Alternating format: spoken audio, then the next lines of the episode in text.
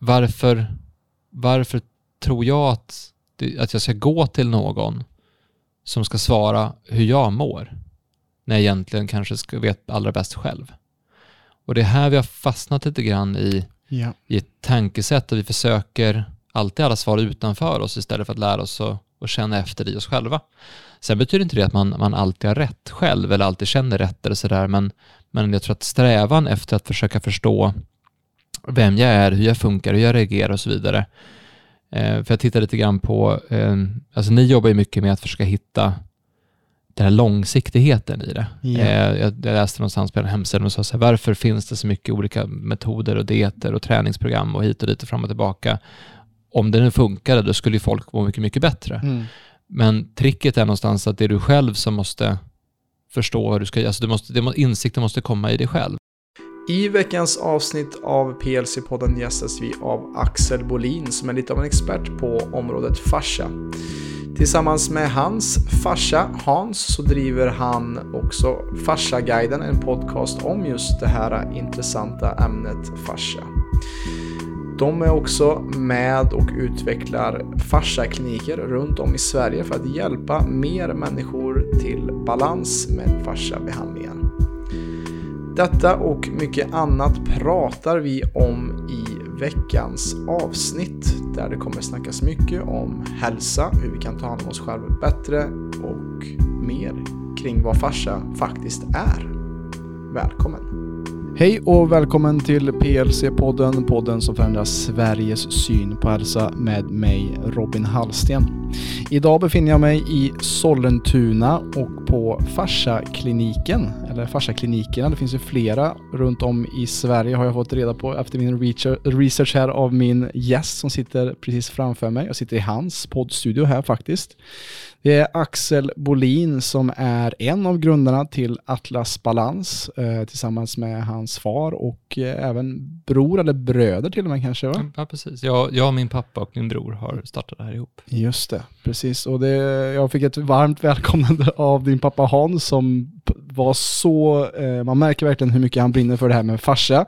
Och det är det som vi kommer prata om i det här avsnittet. Mestadels tänker jag just det här fascinerande ämnet.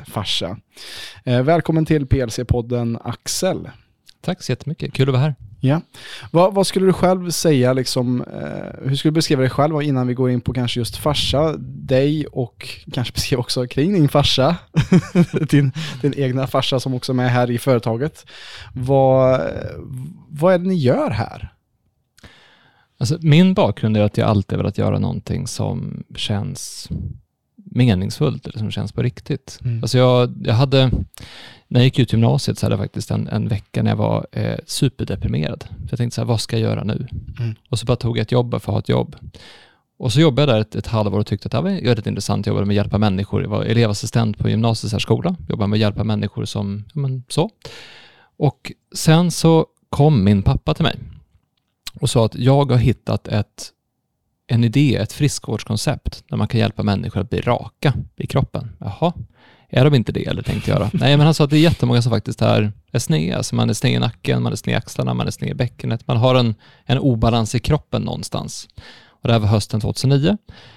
Och han sa så att om jag ska bygga upp ett koncept, då behöver jag någon som kan lära sig internet. För jag tror att internet kommer att vara jätteviktigt. Och jag tror inte att jag är den som ska lära mig det, för jag är, jag, jag, orkar, jag är för gammal för det, här, för det här med någonting nytt. Så att jag anställer dig, du får samma lön som du har idag, du jobbar med mig ett år, du lär dig internet och börjar bygga upp det här och så sen så, så, så har du en erfarenhet rikare så du kan ta vidare sen och så vidare. Jaha, började jobba där och började titta på hur man marknadsför på internet, hur man jobbar med sociala medier, bygger hemsidor, bygger kampanjer. Hur får man det här, det här nya som det var då, 2009, att, att funka? Eh, sen blev ju ett år, snabbt två år, tre år, fyra år. Och någonstans så känner jag att jag kan inte överge min pappa som har byggt upp det här konceptet så. Eh, så jag måste fortsätta jobba med det här.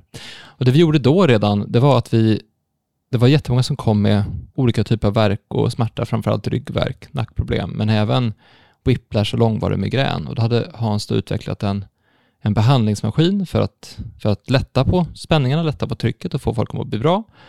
Och folk kom därifrån och vart jättebra. Och vi undrade, vad, vad kul, tänkte vi så här, vad häftigt. Det här måste vi ju gå och liksom visa upp för, för vårdinstanser och för andra och så vidare. Och folk var superskeptiska. Mm.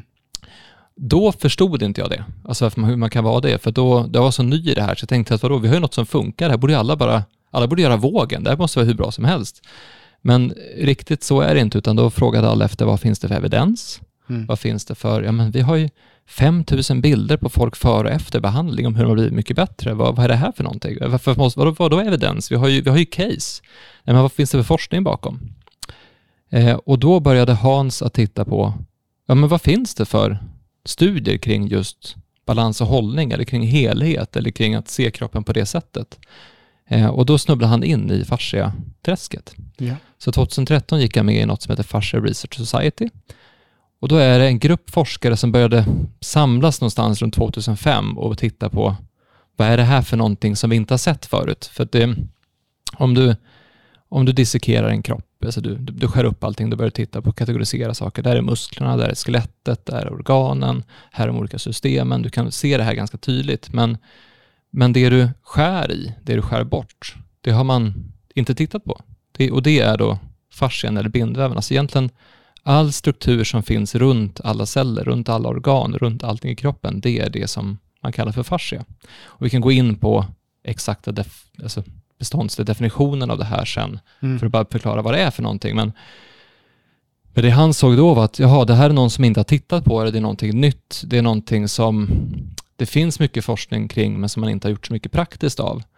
Och då börjar vi anpassa oss efter, efter att behandla just fascia. Eh, och jag var väl sådär lagom intresserad ändå. Alltså jag tyckte det var kul att, att jobba med marknadsföring och jobba med det här konceptet och framförallt så ville jag göra det här tillsammans med min pappa för att liksom, alltså hjälpa honom att bygga upp det här. Men sen hände någonting när jag 2015 åkte till Fascia Research Congress i Washington DC. Då var det 300 forskare från olika delar av världen som hade samlats och presenterat forskningen. Och det var skittråkigt. och då förstod jag att det här måste vara på riktigt. Nej, men alltså det, det är, alltså forskare är inte superbra presentatörer. Jag vet inte hur många som har varit på en forskningskongress, men det är, liksom, det är inte det är inte superkul. Alltså det, det är stora såna här, vet, blå, power, blå bakgrund med powerpoint och vit text som är i storlek 12 och liksom, du vet, de visar bilder som man knappt förstår någonting av och visar massa mätmetoder som är på jättedetaljerad nivå. Och jag bara, men det här är ju, det här är ju, jag förstår 5% av det de säger, det här måste vara, det här måste vara på riktigt liksom. Eh, men då, så det andra som var intressant med den här kongressen var att de som var där bråkade. Okej. Därför då var det vissa som menar på att ja, men det ska heta fascialinjer. Nej, det ska heta fasciafält. Jaha, men det här ska vara fascia, men nej, nej, nej, det där ska vara fascia. Definitionen ska vara så, nej, det ska vara så. Så att man, man bråkade internt om vem som hade rätt förklaring. Mhm. Och det här spreds lite bredare också, för man började bråka om vems metod som var bäst. Okej. Så någon ja. sa så här, jag håller på med rolfing och det är bäst. Och de här borta, de har börjat med integral anatomi, så de, de kan ni inte lyssna på längre. De, de, de struntar vi. Och någon var där och sa så här, jag håller på med yoga och det är bäst, så nu har jag tittat på en yogavariant, alltså en studie på yoga, att det är bäst av allt. Nej, nej, nej, det ska vara stretching på det här sättet, så att folk börjar bråka lite grann om vems, vems metod som är bäst. Och då sa vi att, okej, så vi har forskare som inte kan kommunicera det de har upptäckt på ett sätt så folk förstår. Och alla som är här bråkar om vem som har rätt. Varför då? Mm. Så dag nummer två fick jag ett eh, journalistpass som vi hade fixat. Så jag gick runt och intervjuade alla forskare om vad är det här för någonting och varför är det annorlunda? Och så sa vi att vi tar det här och så bygger vi upp en plattform som förklarar vad det här är för någonting på ett sätt så att vi inte bråkar. För till saken hör att vår maskin som vi hade tagit fram, vi hade lagt ner klinik, klinikkonceptbiten för det var så svårt att få folk att förstå vad vi höll på med, så vi började sälja den här maskinen till terapeuter. Och då sålde vi den till de som redan var utbildade. Så att om du var naprapat, här har du maskin. Här, om du är kiropraktor, ta maskinen här. Massageterapeut, ta maskinen här. Så det spelar egentligen ingen roll, så länge du hade en terapeutisk utbildning så att du vet hur du inte skadar någon, Mm. så får du maskinen. Ja, men hur ska jag använda den då? Ja, men den här knappen sätter du på med. Och så finns det tre stycken program. Hur funkar de? Jag vet inte, vi håller på och testar. Så. Men du har ju händer, så använd maskinen så som du använder dina händer. Mm. Och så kör du. Mm. Och så börjar vi samla de här terapeuterna och, på olika träffar och så såg vi att ja, men det var någon som använde det på det sättet och någon drog och någon tryckte och någon eh, jobbar precis som man gör med akupunktur och någon satte den på de här ställena. Så att vi började samla in hur olika personer använde samma maskin. Och där någonstans föddes idén om att ja, men kan, man, kan man bygga upp någonting nytt istället där det inte finns en konkurrens? För mm. att det dumma är att väldigt, väldigt få människor vet om att man kan gå till en duktig terapeut och få hjälp med ryggverk. De flesta går ju inte dit. De flesta går ju till vården eller går och köper värktabletter eller ja. går och, och gör rörelseövningar eller någonting sånt där. Fast de egentligen kan gå till någon som faktiskt har jättelång utbildning, jättelång erfarenhet av att hjälpa folk och faktiskt är bra på det. Så där föddes också en idé om att tänk om vi kan lyfta fram någonting nytt där man lyfter fram vad folk faktiskt är bra på och den här nya forskningen istället för att hålla på och slåss. Och där någonstans tändes min, mitt intresse. Att vänta ett tag nu, det här kanske är, det kanske är så här man gör någonting riktigt stort av det här. Eh, för min, mitt kall i det här någonstans, det var just att det var så många som, det är så många som har ont i onödan. Yeah. För jag har ju alltid haft en Alltså jag är ekonom. Jag, är liksom, jag, jag gick idrottsledarutbildning på, på gymnasiet. Jag är, har varit intresserad av musik och filmproduktion och marknadsföring. Alltså jag kommer inte från den här alternativa världen. Men min pappa har varit runt och testat så mycket olika saker så att jag har sett olika typer av metoder, testat olika metoder, när jag utbildar mig i vissa metoder också och sett att det finns just, det finns andra sätt att göra, det finns andra sätt att ta hand om kroppen på. Och det är väldigt få som vet om att det finns. Mm. Och det är... Eh, det finns en väldigt stark frustration i det där, för att jag bor ju i Stockholm och åker kollektivtrafik ibland och efter att ha gjort 5000 hållningsanalyser, så man tittar på någons hållning, alltså hur, hur är huvudet positionerat, hur ser bäckenet ut, hur ser höften ut, hur ser armarna ut, hur går de, går de jämnbelastat och så vidare. Då ser man ganska snabbt om någon är sned eller hur någon är sned och järnspikar vad folk är sneda. Ja. det, det, och det, å ena sidan är det så här, ja, då finns det jobb liksom så. Men å andra sidan är det, vad, vad hemskt att så många går runt och har ont när det finns så mycket bra hjälp att få. Exakt. Ehm, och där föddes den biten. Så det vi, det vi har jobbat med å ena sidan är att ta fram just behandlingsmetoder som har byggt på all den här kunskapen från alla de här olika typerna av yrkesgrupper, tagit fram bra maskiner och verktyg för att göra det här, tagit fram marknadsföring nu för att få folk att komma till den här typen av behandling. Men sen med andra handen så har vi tittat på vad finns det för forskning och hur kan man få fram det här? Och det gör ju vi för att vi vet ju att om folk börjar förstå det här så kommer folk vilja ha mer behandling, absolut. Men framför allt så vill vi pusha, eh, alltså om någon annan erbjuder all behandling och vi bara kunde få, få ut det här så skulle vi göra det också. Därför att det, det finns otroligt mycket ny forskning om ett helt annat sätt att se på kroppen. Mm. Så att sen 2018-19 har vi haft en, en kvinna anställd på halvtid, nu heltid, som heter Camilla Ranjerodin. Hon är gammal lärare och eh, husdjursagronom, vilket är motsvarande. Det är veterinärer och husdjursagronomer, det är de som studerar kroppen. Veterinärer tar hand om sjuka djur medan husdjursagronomer tar hand om friska djur. Så det är samma, samma typ av utbildning inom anatomi och fysiologi. Eh, och sen också forskningsassistent och hon har nu jobbat sen dess, då, vad blir det nu, i tre år, med att bygga upp en forskningsdatabas. Så vi har byggt upp en forskningsdatabas nu med ungefär 4 000 artiklar om fascia. Och nästan alla artiklar är från de senaste 5-10 åren. Och så är det de som gör poddar om och vi gör eh, artiklar om det och eh, nu håller vi på med en dokumentärfilm om det här också. Bara för att lyfta fram den här forskningen som finns om att se kroppen på ett annat sätt. Fantastiskt. Ja, så det är ganska kul. Ja, alltså det är ju, alltså det, ni är ju innovatörer och revolutionärer i detta eh, fältet, absolut. Och det, jag kan, jag, där som ni är nu är ju lite som jag ser som Göran Boll var i början, eller slutet på 90-talet när han började med medicinsk yoga. Alltså för nu finns det på 300 vårdcentraler i Sverige. För att han också fick en idé att va, det här med att göra lite yoga minskar ju ryggont för folk och han började göra studier på Karolinska och Eh, kunde just med vetenskaplig evidens bevisa att det här kanske är bättre än att lägga sig under kniven. Liksom. Så det är så otroligt intressant att höra vad det är ni går igenom också, den här frustrationen också, att hallå, här har vi så mycket verktyg och som ni också märker det som många ser som kroniskt kan ni lösa upp på en kvart. I vissa fall, inte i alla fall kanske, men i många fall som folk har problem med, till exempel frozen shoulder som jag också vill snacka om lite grann lite senare kanske. Men också som jag tycker är så intressant med hur den här konferensen du berättade om också, hur lätt det är att folk går in i, du vet, ego, att mitt, mitt, mitt och också att man vill dela upp och man blir i olika läger när man egentligen är där för kanske samma anledning till att man vill utforska en, en nytt sätt att behandla folk på och hjälpa människor. Men att på något sätt att vi tappar oss själva på vägen för att vi är så beslutna om att jag har rätt eller jag har den rätta vägen. Så att det här är, tycker jag är jätteintressant och tack för att du delar Axel. Mm. Men det, det, det är lite lurigt också för att när man börjar titta på det här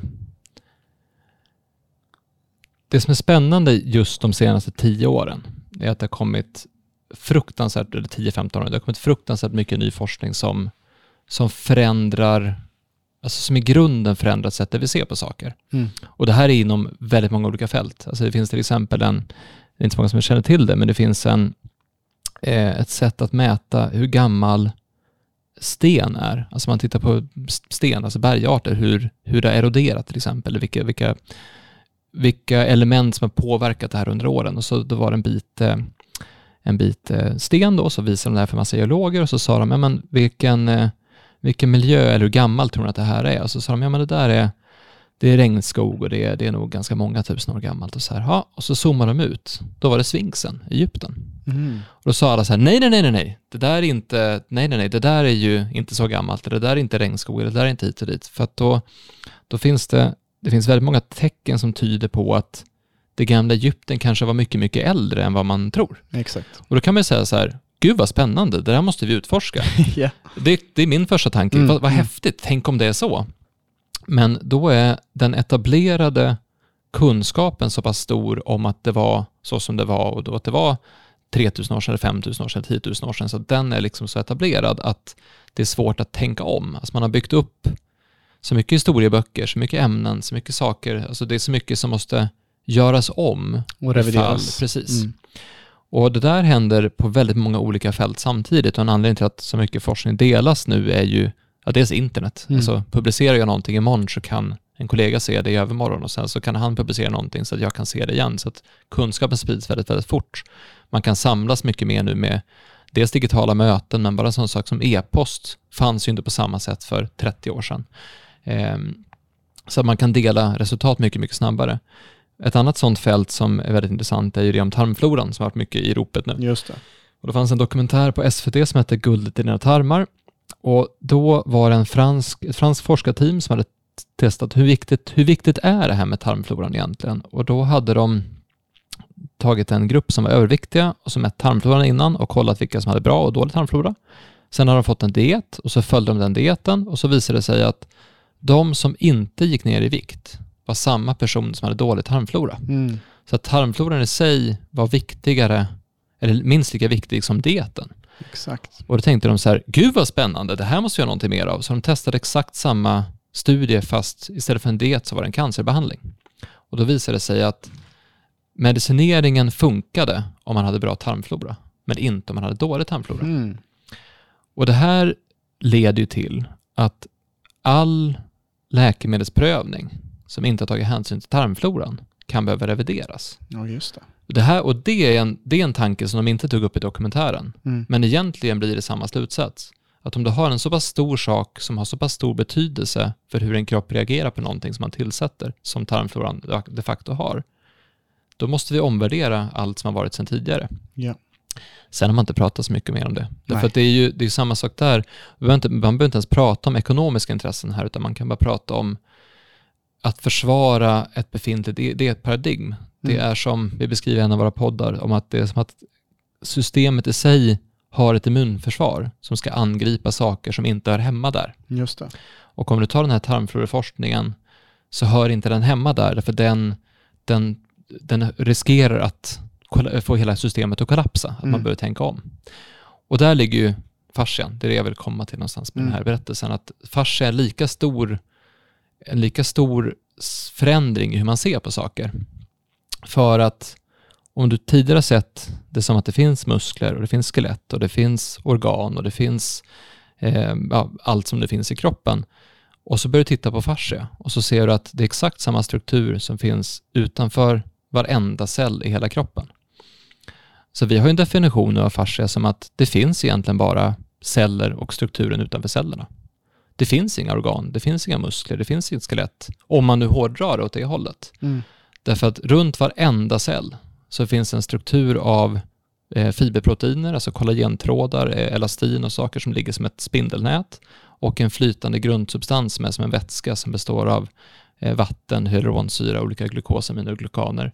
Och det här flödet och den här strukturen är precis runt alltihopa.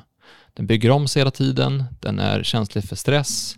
Eh, här är immunförsvaret, här är slaggutrensningen, här, här händer allting i hela kroppen. All, all cellkommunikation sker genom det här nätverket. All, eh, allting egentligen i kroppen sker i nätverket som är runt omkring alltihopa.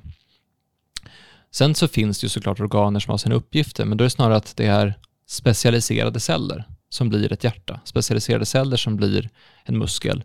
Men runt varenda muskelfiber så finns den här strukturen. Runt varenda muskelbund så finns den här strukturen. Och då plötsligt så kan man förstå kroppen som helhet på ett annat sätt. Då kan man förstå att en störning på ett ställe faktiskt har en effekt överallt. Ja. Och det är det här vi har börjat utforska.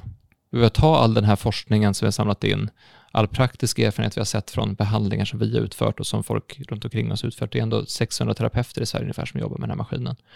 Eh, och sen då försökt förstå vad det här innebär för oss som människor i kroppen faktiskt fungerar.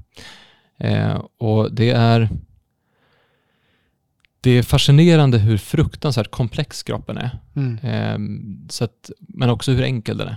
För den gör egentligen bara en sak, alltså den tar emot och avlastar tryck. Ja. Så att den, du utsätter din kropp för någonting, du får, en, du får en stöt eller en smäll, då ska den hantera det. Du utsätter din kropp för någonting, du äter någonting eller du, du eh, tar socker, eller du sover dåligt eller du är stressad eller du har en, eh, en speciell typ av rörelse eller du tränar. Så att kroppen anpassar sig hela tiden efter vad vi gör med den. Dels vad vi är och sen vad vi gör och sen vad vi äter. Eh, och det här blir väldigt fascinerande i termer av ett, ett annat sätt att se på det. Eh, så som du hör så, så, har jag blivit väldigt, jag blivit väldigt betagen av det här och det är just tack vare, jag har jobbat nära Camilla då när hon tittar på molekylär nivå på hur alla processer ser ut i kroppen och så ja. tänker jag att shit, jag kommer aldrig förstå det här. Eh, jag kommer aldrig kunna förstå min egen kropp intellektuellt. Men sen också att läsa det här och se det här på ett annat sätt och sen nu framförallt sen vi, sen vi flyttade in i den lokal vi sitter i nu så ser jag varje dag hur de som kommer hit får en behandling och blir bättre och så vidare. Så man får se, man får se live egentligen vad som händer med mm. att se på kroppen på ett annat sätt. Och det, det är västerländsk anatomi. Det är vissa saker har man sagt i 3000 år på andra ställen. Men det här är inte, det är inget flum, det är inget konstigt. Man behöver inte använda sitt, man behöver inte använda eh, andra tankemönster, andra idétraditioner, utan det här är väldigt konkret västerländskt sätt att se på det. Och det tror jag är det som kommer göra att fascia, alltså det är oundvikligt att det här kommer slå igenom, därför det finns så mycket det, det, finns så mycket forskning kring det, så du kan liksom inte, det är bara fråga om när, inte en mm. fråga om om. Men när det händer kommer vi behöva se på kroppen på ett helt annat sätt. Och det blir väldigt, det blir väldigt fascinerande när det händer. Ja. Um, ja, men um, då, ni som lyssnar på det här för första gången kanske tänker så här, men vad, eh, har ni, alltså, vad, är det här någon universallösning eller sånt där? Och det är det inte heller, det är bara ett helt annat sätt att se på kroppen. Ja, för det, det är ju det alltså, sättet som vi ser på kroppen och som vi också jobbar med i PLC, vi jobbar ju med hela kroppen, holistiskt synsätt. Och det typiska traditionella sättet som många har varit i kontakt med vården, då är det oftast att det är, som på engelska säger man this for that, att vi har ett piller för det här symptomet. Istället för att se allt som en helhet. Och det blir liksom det här reduktionistiska, att mm. man delar upp, dissekerar kroppen upp i tusen olika beståndsdelar. Precis som när man är på sjukhus så har man en, en handläkare, du har en hjärtläkare, du har en eh, fotspecialist. Istället för att se hur kommunicerar foten med min axel? Eller hur påverkar mitt hjärta min, min cirkulation och allting sånt. Va? Och det är precis som du säger, att, att istället för att man tar bort liksom när, när det kommer ny, ny info som kanske utmanar konsensus eller det som är det här att, ni, att du ställer och kollar, hmm, ja, men intressant, var, varför är det så här?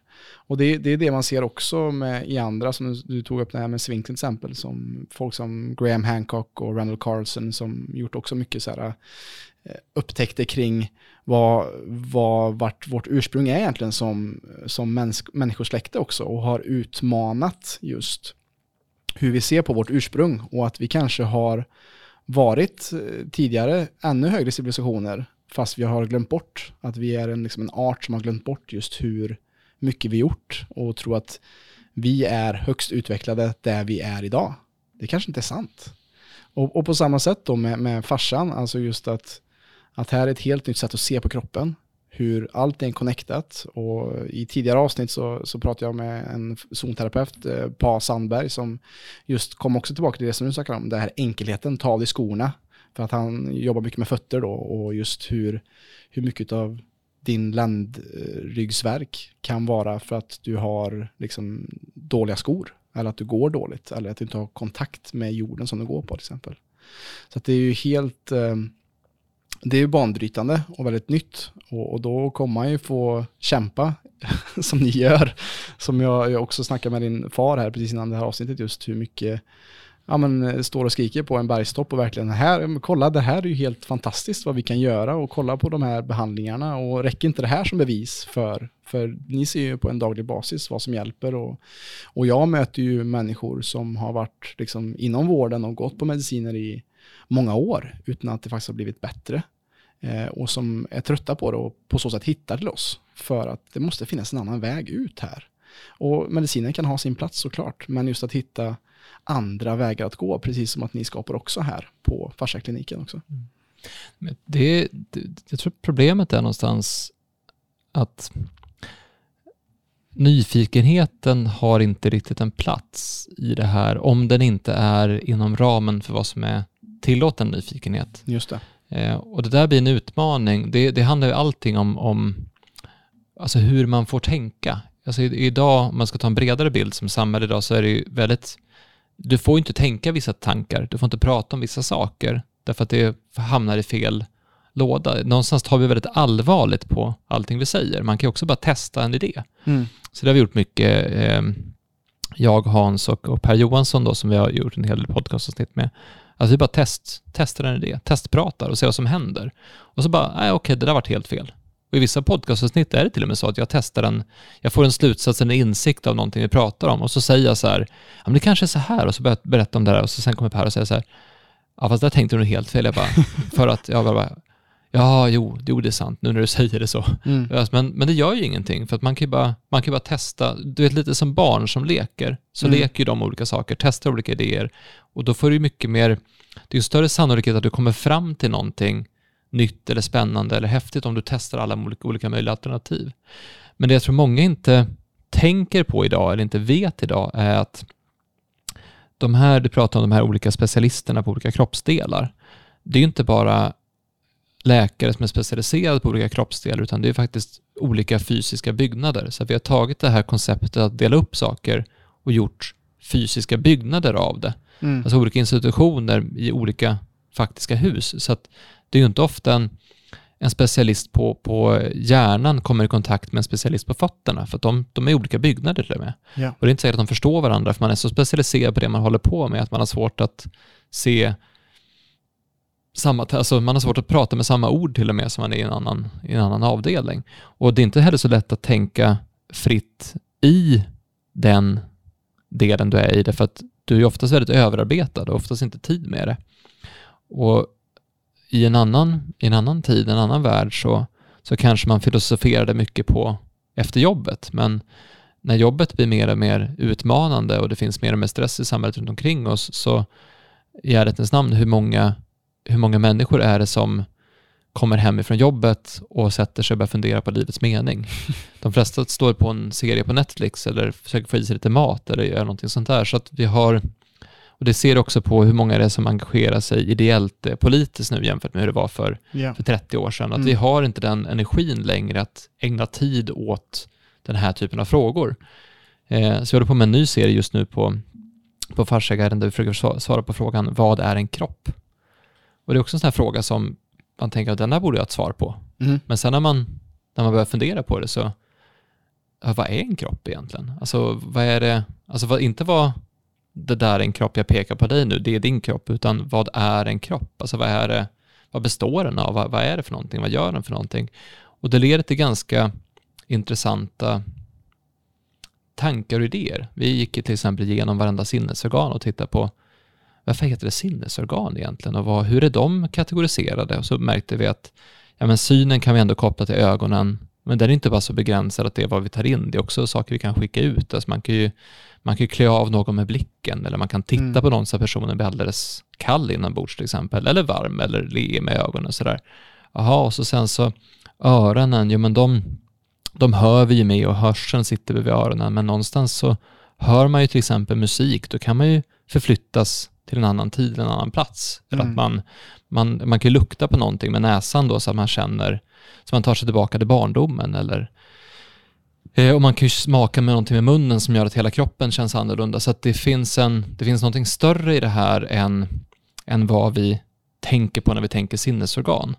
Och då kom det till en punkt där vi skulle prata om känsel och märkte att vi kan inte ens, vi kan inte ens kategorisera känsel på det här sättet. För att vadå, sitter känseln i huden? Nej, men känseln sitter ju också i nervsystemet. Den Mm. sitter ju framförallt i fascian. Det är ju, och när jag tar på någonting, är det då det jag tar på som jag känner eller hur det här känns inuti? Om jag tar på din kropp så känner jag ju saker i din kropp. Vad händer där någonstans? Och när vi börjar titta på kroppen på det här sättet med den här nyfikenheten så dyker det upp andra sätt att förstå saker, andra sätt att... Och det, väcker, det väcker mer frågor än vad, det, än vad, det, än vad man får svar på.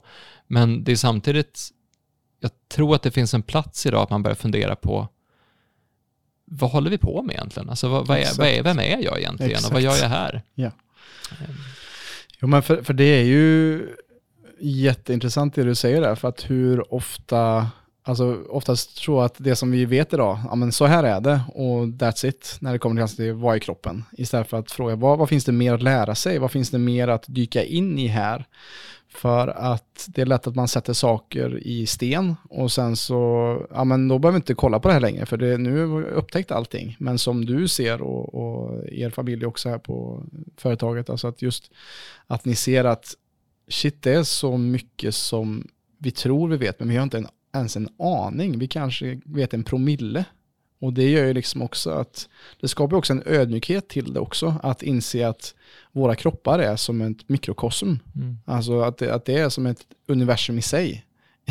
och just att bara utforska alla de här äh, olika ramarna och det som vi har kanske skapat av tidigare kunskap, att dissekera dem också och se, okej, vad, vad är finns det mer som vi har kanske trott är absolut sanning, när det faktiskt finns ännu mer att dyka djupare in i. Ja, men och där är vi, vi så, eh, vi har ju tagit fram då en, en, en digital eh, fasciaguide också. Ehm, och då har vi försökt koka ner, vad är egentligen, vi, vi, jobbar, alltså, vi är ju inte forskare utan vi är kommunikatörer. Mm. Så vi har försökt titta på hur förklarar vi det här? Och då har vi hållit på med det i flera år. Hur förklarar vi fascia och varför det här är så annorlunda? Eh, och den första delen av den här fasciaguiden är egentligen att vi har två stycken, det är två stycken idéer, två stycken fenomen som vi har med oss från barnsben, alltså från hur, hur vi har växt upp, som verkligen påverkar hur vi ser på kroppen. Eh, och den ena är att vi är, vi är tränade i att inte kunna förstå helhet. Alltså vi är så insnöade i att inte kunna förstå helhet, för att hela våra liv har vi delat upp saker. Mm. Eh, och ett sådant exempel är ju att vi i skolan har olika skolämnen. Det är väldigt konkret. Vi får ju höra att vi läser historia och religion och samhällskunskap och naturvetenskap och kemi och fysik, fysik biologi, matte och svenska och engelska. Men de hör inte ihop med varandra. Vi får ju aldrig, det är inte så vi får lära oss att det är. Att man kan använda det man lärt sig på geografin när man läser religion. Eller Nej. att man kan koppla ihop naturvetenskapen med, eller kemin med biologin och så vidare. Mm. Eh, och det här fortsätter sedan i hela våra liv, att vi, vi har svårt att se hur saker kan sitta ihop snarare än hur uppdelat det är. Eh, vi har svårt att se uppdelningen mellan, mellan det inre och det yttre, alltså vad som händer inuti mig och vad som händer utanför mig. Eh, om du tittar på, på bordet som vi, som vi sitter vid nu, eller stolen, eller podcaststudion för den delen också, så är ju det här är ju någons inre som har blivit någonting yttre. Mm. Alltså bordet är en idé som en människa har haft Och den Ja. idén har blivit någonting konkret som vi kan ta på. Så att det här bordet är ju inte yttre enbart. Det, inte bara, det existerar inte bara i världen som något oberoende, utan det är ju någons idé, någons inre som har blivit materiellt till det yttre. Det intressanta är att det funkar åt andra hållet också, att det här bordet påverkar ju dig. Så att någons tidigare inre idé har blivit någonting yttre som sen påverkar ditt yttre och ditt inre. Därför att ett bord gör att du kan sitta. Så att bordet i sig, eller du kan ha saker på det. Så att bordet i sig formar ditt beteende och dina idéer. Och det här är inte vi heller så medvetna om. Alltså hur mycket ett, ett, ett hus, alltså en byggnad, påverkar vårt beteende, påverkar hur vi, hur vi är varje dag. Hur mycket vi påverkas av en, av en mobiltelefon eller av en bil eller, eller av eh, allting runt omkring oss är ju någons inre som har blivit verklighet i det yttre och sen som påverkar oss tillbaka. Och när vi gör den här avgränsningen som kommer från Descartes eh, 1600-tal, att man separerade på det, då, då har vi som tappat kopplingen. För när du tänker på din kropp, då ser du på den som någonting som är yttre. Man Mm. ser på kroppen som ett objekt, som att man har en kropp. Man tar med kroppen till någon som ska reparera den som att det vore en cykel. Mm. Eller hur? Det är ju så vi gör. Ja. Min kropp gör inte som jag vill. Jag vill få kroppen att fungera så här. Ja. Ja. Men du ser ju aldrig på det som att du är din kropp. Mm. Alltså du upplever din kropp inifrån. Så vi har en väldigt skev bild i hur vi separerar allting, till och med oss själva. Mm. Vi tittar ju snarare på hur du och jag är separata än hur du och jag sitter ihop. Mm. Om du tänker ett helhetsperspektiv så sitter jag här och jag andas luft nu. Och den luft jag andas in, den går in i mina lungor och blir en del av mig, eller hur? Så andas jag ut den här luften. Vi sitter ju i samma rum. Du andas in samma luft. Så luften som var i mina lungor nyss, som var en del av mig, den andas du in nu. Mm. Det är ju väldigt intimt. Mm. och vi tänker inte på hur mycket vi sitter ihop. Nej. Och vi delar ju samma rum, vi delar samma, vet, vi har väl utstrålning och värmeenergi och allt möjligt. Det är lite kallt här inne med airconditions med och så vidare. Och vi delar den här upplevelsen båda två. Mm. Så vi sitter ihop på ett helt annat sätt. Och det där är någonting som vi inte, vi reflekterar inte så mycket över hur vissa, alltså vissa tankar är väldigt styrda hos oss. Ehm, och det, det är den första liksom, idén som är att vi har svårt att greppa det här. Den andra är att vi tror att kroppen är död. Så hela vår kroppsuppfattning bygger på att vi har sett döda kroppar. Så att när du ser en kropp framför dig så ser du oftast eh, muskler som ligger ihop och skelett som ligger ihop, som att det ligger lager på lager. Så, som att det ligger, jag visar mina händer nu, att de ligger liksom ihop. Mm. Men det finns en fundamental skillnad på en död och levande kropp. Vad är den? Rörelse. Ja, liv. Liv. Mm. Det är ganska så här, en levande kropp lever. Mm. Det gör inte en död kropp.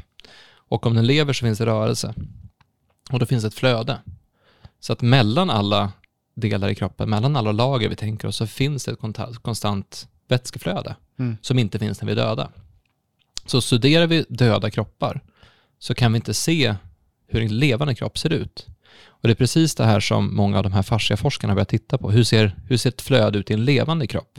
Och det är när de upptäcker det som de säger, shit, vi har sett saker vi inte trodde fanns. Alltså, om man tittar på kroppen i 2D jämfört med att titta på kroppen i 3D så ser man helt olika saker. Mm. Eh, och det finns en, alla som är intresserade av det här kan jag verkligen rekommendera en film som heter Strolling Under the Skin. För det är en fransk eh, kirurg som har filmat levande bindväv under huden. Och det ser helt fantastiskt ut. Alltså det är, det är så vackert och det är det byggs om hela tiden och det är rör, rörligt och det är anpassningsbart och, och det är så att kroppen bygger om sig själv inifrån precis hela tiden och är mycket, mycket mer levande än vad vi tror att den är. Mm. Men tänker man på kroppen som död och som uppdelad så blir det svårt att se det här andra. Exakt. Och det blir ju exakt som vad, vad du beskrev också där på den här konferensen. Att då blir det så att då börjar vi slåss om vem som har rätt, vem som har fel. Istället för att se, vi har faktiskt ett gemensamt mål här. Istället för, alltså det är lätt att man går in i de här minutiösa detaljerna kring, okej du kallar den här delen så här och jag kallar det så här. Och därför har du fel för att mitt sätt, jag sa det först och ja, det blir en egogrej istället för att se hur lika vi är. Och just som du säger också att att jag tror att det är det som vi ser också med vart vi, hur vi är idag också. Att när vi snackar om att leva ett gott liv så tänker många ja, men kost och träning och kanske meditation men ingen tänker på just samhörigheten. Hur viktig den är att dela måltider med en person man älskar, att ha community, att ha mänsklig kontakt och även rörelse, alltså att man berör varandra så att man får oxytocin till exempel. Alltså det är så mycket mer än just det materiella som vi i väst har också Ehm, ja, men avguda på något sätt att det här är det som ska göra mig lycklig och, och läka mig eller göra mig hel när det är precis som du säger med farsan att det, det är så mycket mer som vi inte kan ta på riktigt som faktiskt skapar hälsa i oss. Ja, men vi har en, det är lite intressant för att vi eh, i de här poddarna som vi har gjort, framförallt de som vi har gjort tillsammans med eh, Per Johansson som är då doktor i humanekologi, doktor i humanekologi och idéhistoriker. Eh, alltså han har läst så fruktansvärt mycket om så fruktansvärt mycket, så det är som en alltså uppslagsbok. Alltså det är otroligt fascinerande att, att jobba med. Eh, men då pratar vi också mycket om, om vad, vad, är, vad är modern vetenskap? Han är väldigt insatt i just ja, men dels idéhistoria, vetenskapshistoria och hur, hur ser det här ut och förklarar mycket om den vetenskapliga metoden och vad man kan mäta och inte kan mäta. Och någonstans så är det där vi har fastnat lite grann som samhälle, för att vetenskapen kan säga väldigt mycket om väldigt mycket. Många tror att vetenskapen är en väg, alltså en sanning, att vetenskapen med stort V är det som gäller. Vad säger vetenskapen om det här? Vi har nästan placerat vetenskapen på någon form av tron som, som kyrkan hade tidigare, eller som, ja, eller som att det är Gud mm. på något sätt. Sådär. Ja. Men vetenskapen är ju, vetenskapen säger jättemycket olika saker, så det finns ju aldrig det finns ju aldrig en, en stark konsensus inom vetenskapen, utan det finns alltid folk som tycker att det är olika. Som det här med, med sfinxen och hur gammal kroppen, eller hur gammal Egypten är till exempel. Mm. Eh, det finns alltid olika utbrytare och så vidare. Så att vetenskapen är inte enig. Och när du frågar en forskare, en vetenskapsman, om, om vad, vad säger de om det här, så ger de aldrig ett rakt svar. De säger alltid någonting det finns tendenser som tyder på det, eller man skulle möjligtvis kunna säga så här, för att man, man uttalar sig inte tvärsäkert om någonting, om man är insatt i hur det faktiskt fungerar. Men vi vill gärna ha någon som säger åt oss exakt hur det är. Så vi har målat upp vetenskapen som den allmängiltiga och enda källan till kunskap. Så till en nivå att vi har slutat tänka och känna själva. Då pratar jag om samhället som stort här. Mm. Det är ett problem därför att med den naturvetenskapliga metoden så kan du se vissa saker och du kan mäta vissa saker, men betoningen är just på vad du kan mäta. Eh, du kan inte med, om vi tar en sån sak som, som banal sak som kärlek till exempel. Mm. Så enligt vetenskapen så är kärleken olika signalsubstanser och, och hormoner och saker som händer sådär och sådär, men det säger ingenting om, om kvaliteten i hur din och min relation är. Och då börjar man, man kan slå ihop en massa saker. Det finns ju program som heter Gift med Gift vid första ögonkastet, ja, där man ja. försöker få ihop det och så vidare. Men då ser man också hur komplext det är, att det här inte, det är inte en mätbarhet i det här, utan det har lika mycket att göra med inställningen som folk har som kommer in i det här. Mm. Och, men där har vi någonstans sagt att, okej, okay, men om inte vetenskapen kan ge ett svar på det, då är det inte värt någonting. Men varför, varför tror jag att, att jag ska gå till någon som ska svara hur jag mår, när jag egentligen kanske ska veta allra bäst själv. Och det är här vi har fastnat lite grann i, ja. i ett tankesätt och vi försöker alltid alla svar utanför oss istället för att lära oss att, att känna efter i oss själva.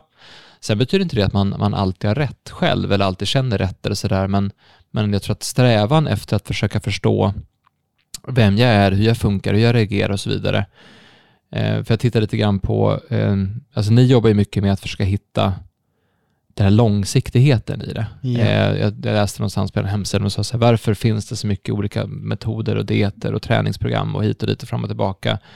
Om det nu funkade, då skulle ju folk må mycket, mycket bättre. Mm. Men tricket är någonstans att det är du själv som måste förstå hur du ska, alltså du måste, det, insikten måste komma i dig själv.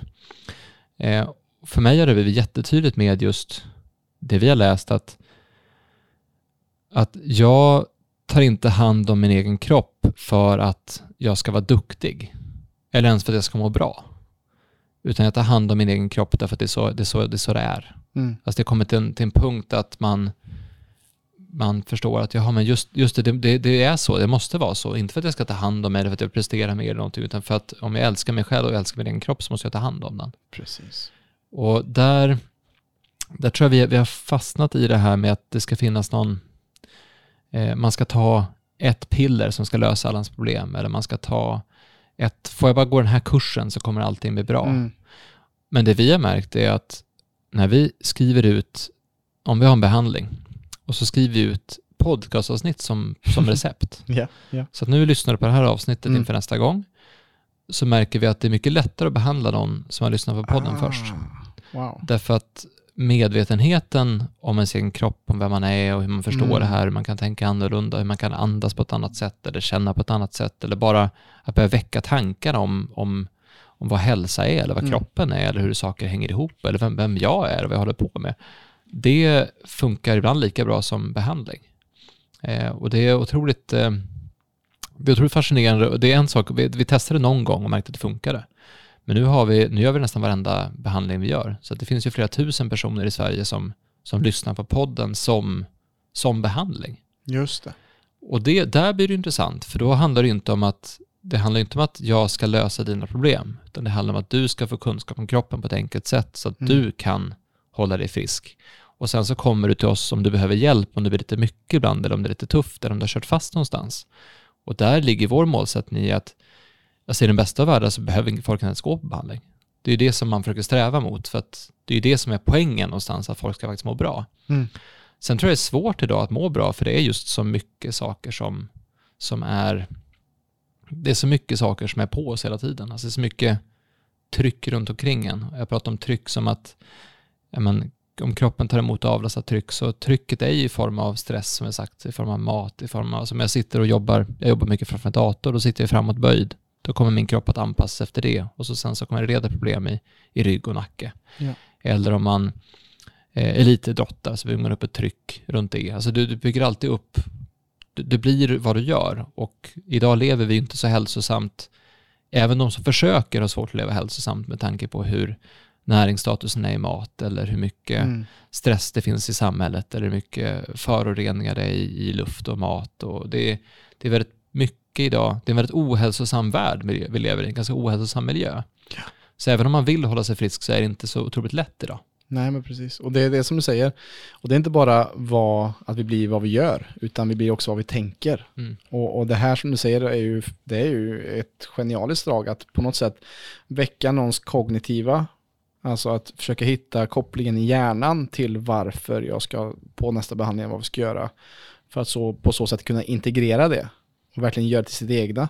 För det är just det, alltså vårt första avsnitt med PLC-podden, första avsnittet heter Ta tillbaka din inre auktoritet. Mm. Och det är just det som du pratar om här just nu som är lite vår essens kan man säga och jag kan tänka mig att det ni jobbar med också är att hur kan vi hjälpa människor, människor, guida, coacha dem till sin egen inre essens så att de hittar sina egna svar och kan på så sätt komma till homeostasis och balans så att de inte behöver leta efter en ny diet eller en ny träningsform utan hitta den träningsform som passar dig, den diet som passar dig och inte lyssna på någon annan och svälja det med hull och hår. För det är exakt det vi gör, att vi, de flesta gör det som hamnar hos oss. De har sålt bort sin auktoritet till någon annan istället för att börja lyssna och utforska. Hur svarar min kropp på att äta den här maten eller hur gör den här träningen? Och också med, när det kommer till stress också, att många behöver bara göra mindre än vad de gör. Att vi lever i, i ett samhälle som premierar just att man ska överarbeta och man ska man ska slåss fram i livet och man ska, eh, ja, man ska, man ska göra allting på en och samma gång. Och så undrar man varför man går in i väggen när man är 35-40. Liksom. Så det, det, det, är någonting som jag ser är väldigt, väldigt liksom basalt och grunden och fundamentet till både vad du och jag tror att jobba med just i samhället. Att vi båda säger också att jag hade helst inte velat ha det här jobbet. För att jag vill att alla ska må bra och kunna hitta det här i sig själva. Och jag säger alltid det, och det är därför jag använder den här podden också, för att just nå ut. För att jag har inga svar egentligen. Jag kan bara hjälpa dig att hitta dina egna svar. För att så fort jag också som coach eller som, som en terapeut eller någonting lägger svaret i din mun så kommer du inte ta åt dig det på samma sätt som om du kan kognitivt, aha, det är därför jag gick in i väggen, för att jag har en inre perfektionist, för att min pappa ville att jag alltid skulle städa mitt rum, och det skulle vara rent och fint hemma. Och, och så det mönstret lever fortfarande kvar i mig när jag är 37 här. Alright, nu förstår jag. Och då kan vi på insidan börja läka istället för att vi ska kolla efter nästa externa sak utanför oss själva för att bli hela. Ja men precis, och det, det är där någonstans, jag tror att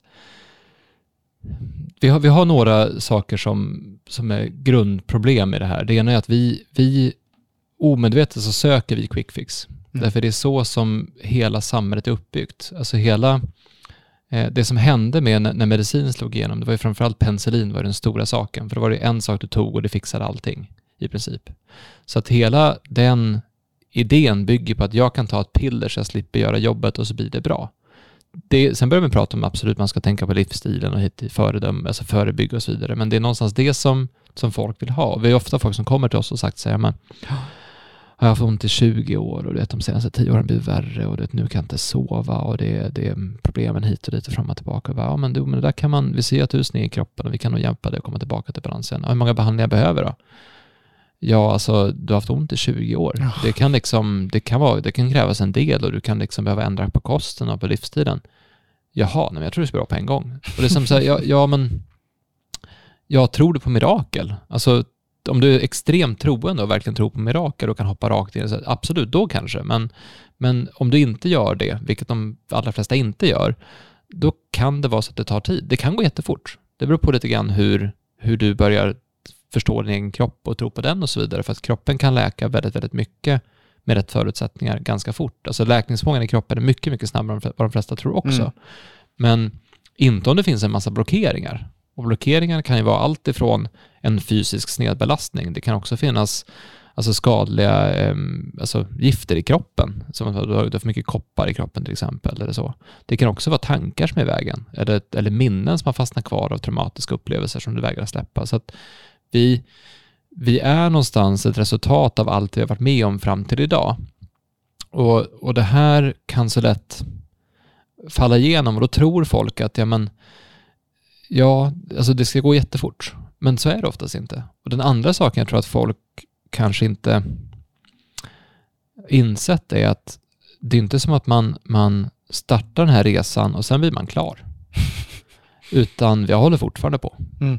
Och det, det, det, är, efter en stund så inser man att det är det som är poängen. Alltså att förstå sin kropp och att förstå sitt liv, att förstå vem man är och vad man gör här och hur allting hänger ihop och allting fungerar och hur man ska ta hand om sig själv. Det är en resa som aldrig tar slut. Och det är det som är någonstans charmen med det. Mm. För det var, eh, vi har en terapeut som jobbar här som, hon sa det så pass bra att, att om kroppen till slut har hittat ett sätt som gör att du faktiskt lyssnar på kroppen. Alltså det, du har haft sjuk ganska länge och så hit och till slut så hittar kroppen att okej, okay, om, om, jag, om jag sänker dig så att du blir totalt nedstängd, liksom. alltså du är utbränd och du kan inte göra någonting. Då lyssnar du. Mm. Då fattar du att du är på väg åt något, något konstigt sätt. Då gör du någonting åt det. Yeah. Om då kroppen har hittat det, då är det dit du kommer på en gång. Så att om du då du går på den här vägen åt det håll du ska och så sen så halkar du till det och ramlar snett, då får du den reaktionen på en gång. Så samma reaktion som tog dig flera år att bygga upp får du på en gång. Och det var en ganska intressant idé som han hade, för jag, jag känner igen det där så tydligt, därför att när jag, när jag nu med allt som jag har varit med om börjar må dåligt, då kan jag må ganska dåligt på en gång. Men då mår jag dåligt en dag, sen är det bra igen. Eller mm. två dagar eller någonting. Alltså då, då är jag ganska snabb på att hitta, okej okay, det här var nog fel. Nu har jag nu har jag jobbat för mycket eller stressat för mycket eller känt för mycket oro eller, eller försökt att få saker att hända för fort eller inte tagit hand om mig själv eller sådär, då, då får man en väldigt snabb reaktion på det. Men det tar ju aldrig slut. Därför att när jag började förstå vad vi höll på med och varför det här, varför det här är så viktigt för mig, varför, varför jag brinner för det så mycket, då vill man ju få ut det. Alltså då vill man göra någonting av det. Och så är det med i princip alla jag har träffat som faktiskt upptäcker någonting som är värt att, att kämpa för eller att, att, att driva. Att då tänds ju en eld i dem, en gnista som gör att man, man blir ännu mer sugen på att, att göra ännu mer och då är det en annan balansgång. Så att det tar, alltså, det tar aldrig slut och det är här jag tror att många många tror att bara jag gör det här under en sex veckors period nu så blir jag bra sen och så är det klart. Men det är, inte det, det, det är nog inte det som borde vara målet, utan målet kanske ska vara att, att fortsätta gräva och fortsätta lära känna mer av vem man är. För det är ju, ju mer stabil du blir i, i din kropp och i vem du är och hur allting hänger ihop, desto trevligare blir det att göra med som medmänniska också.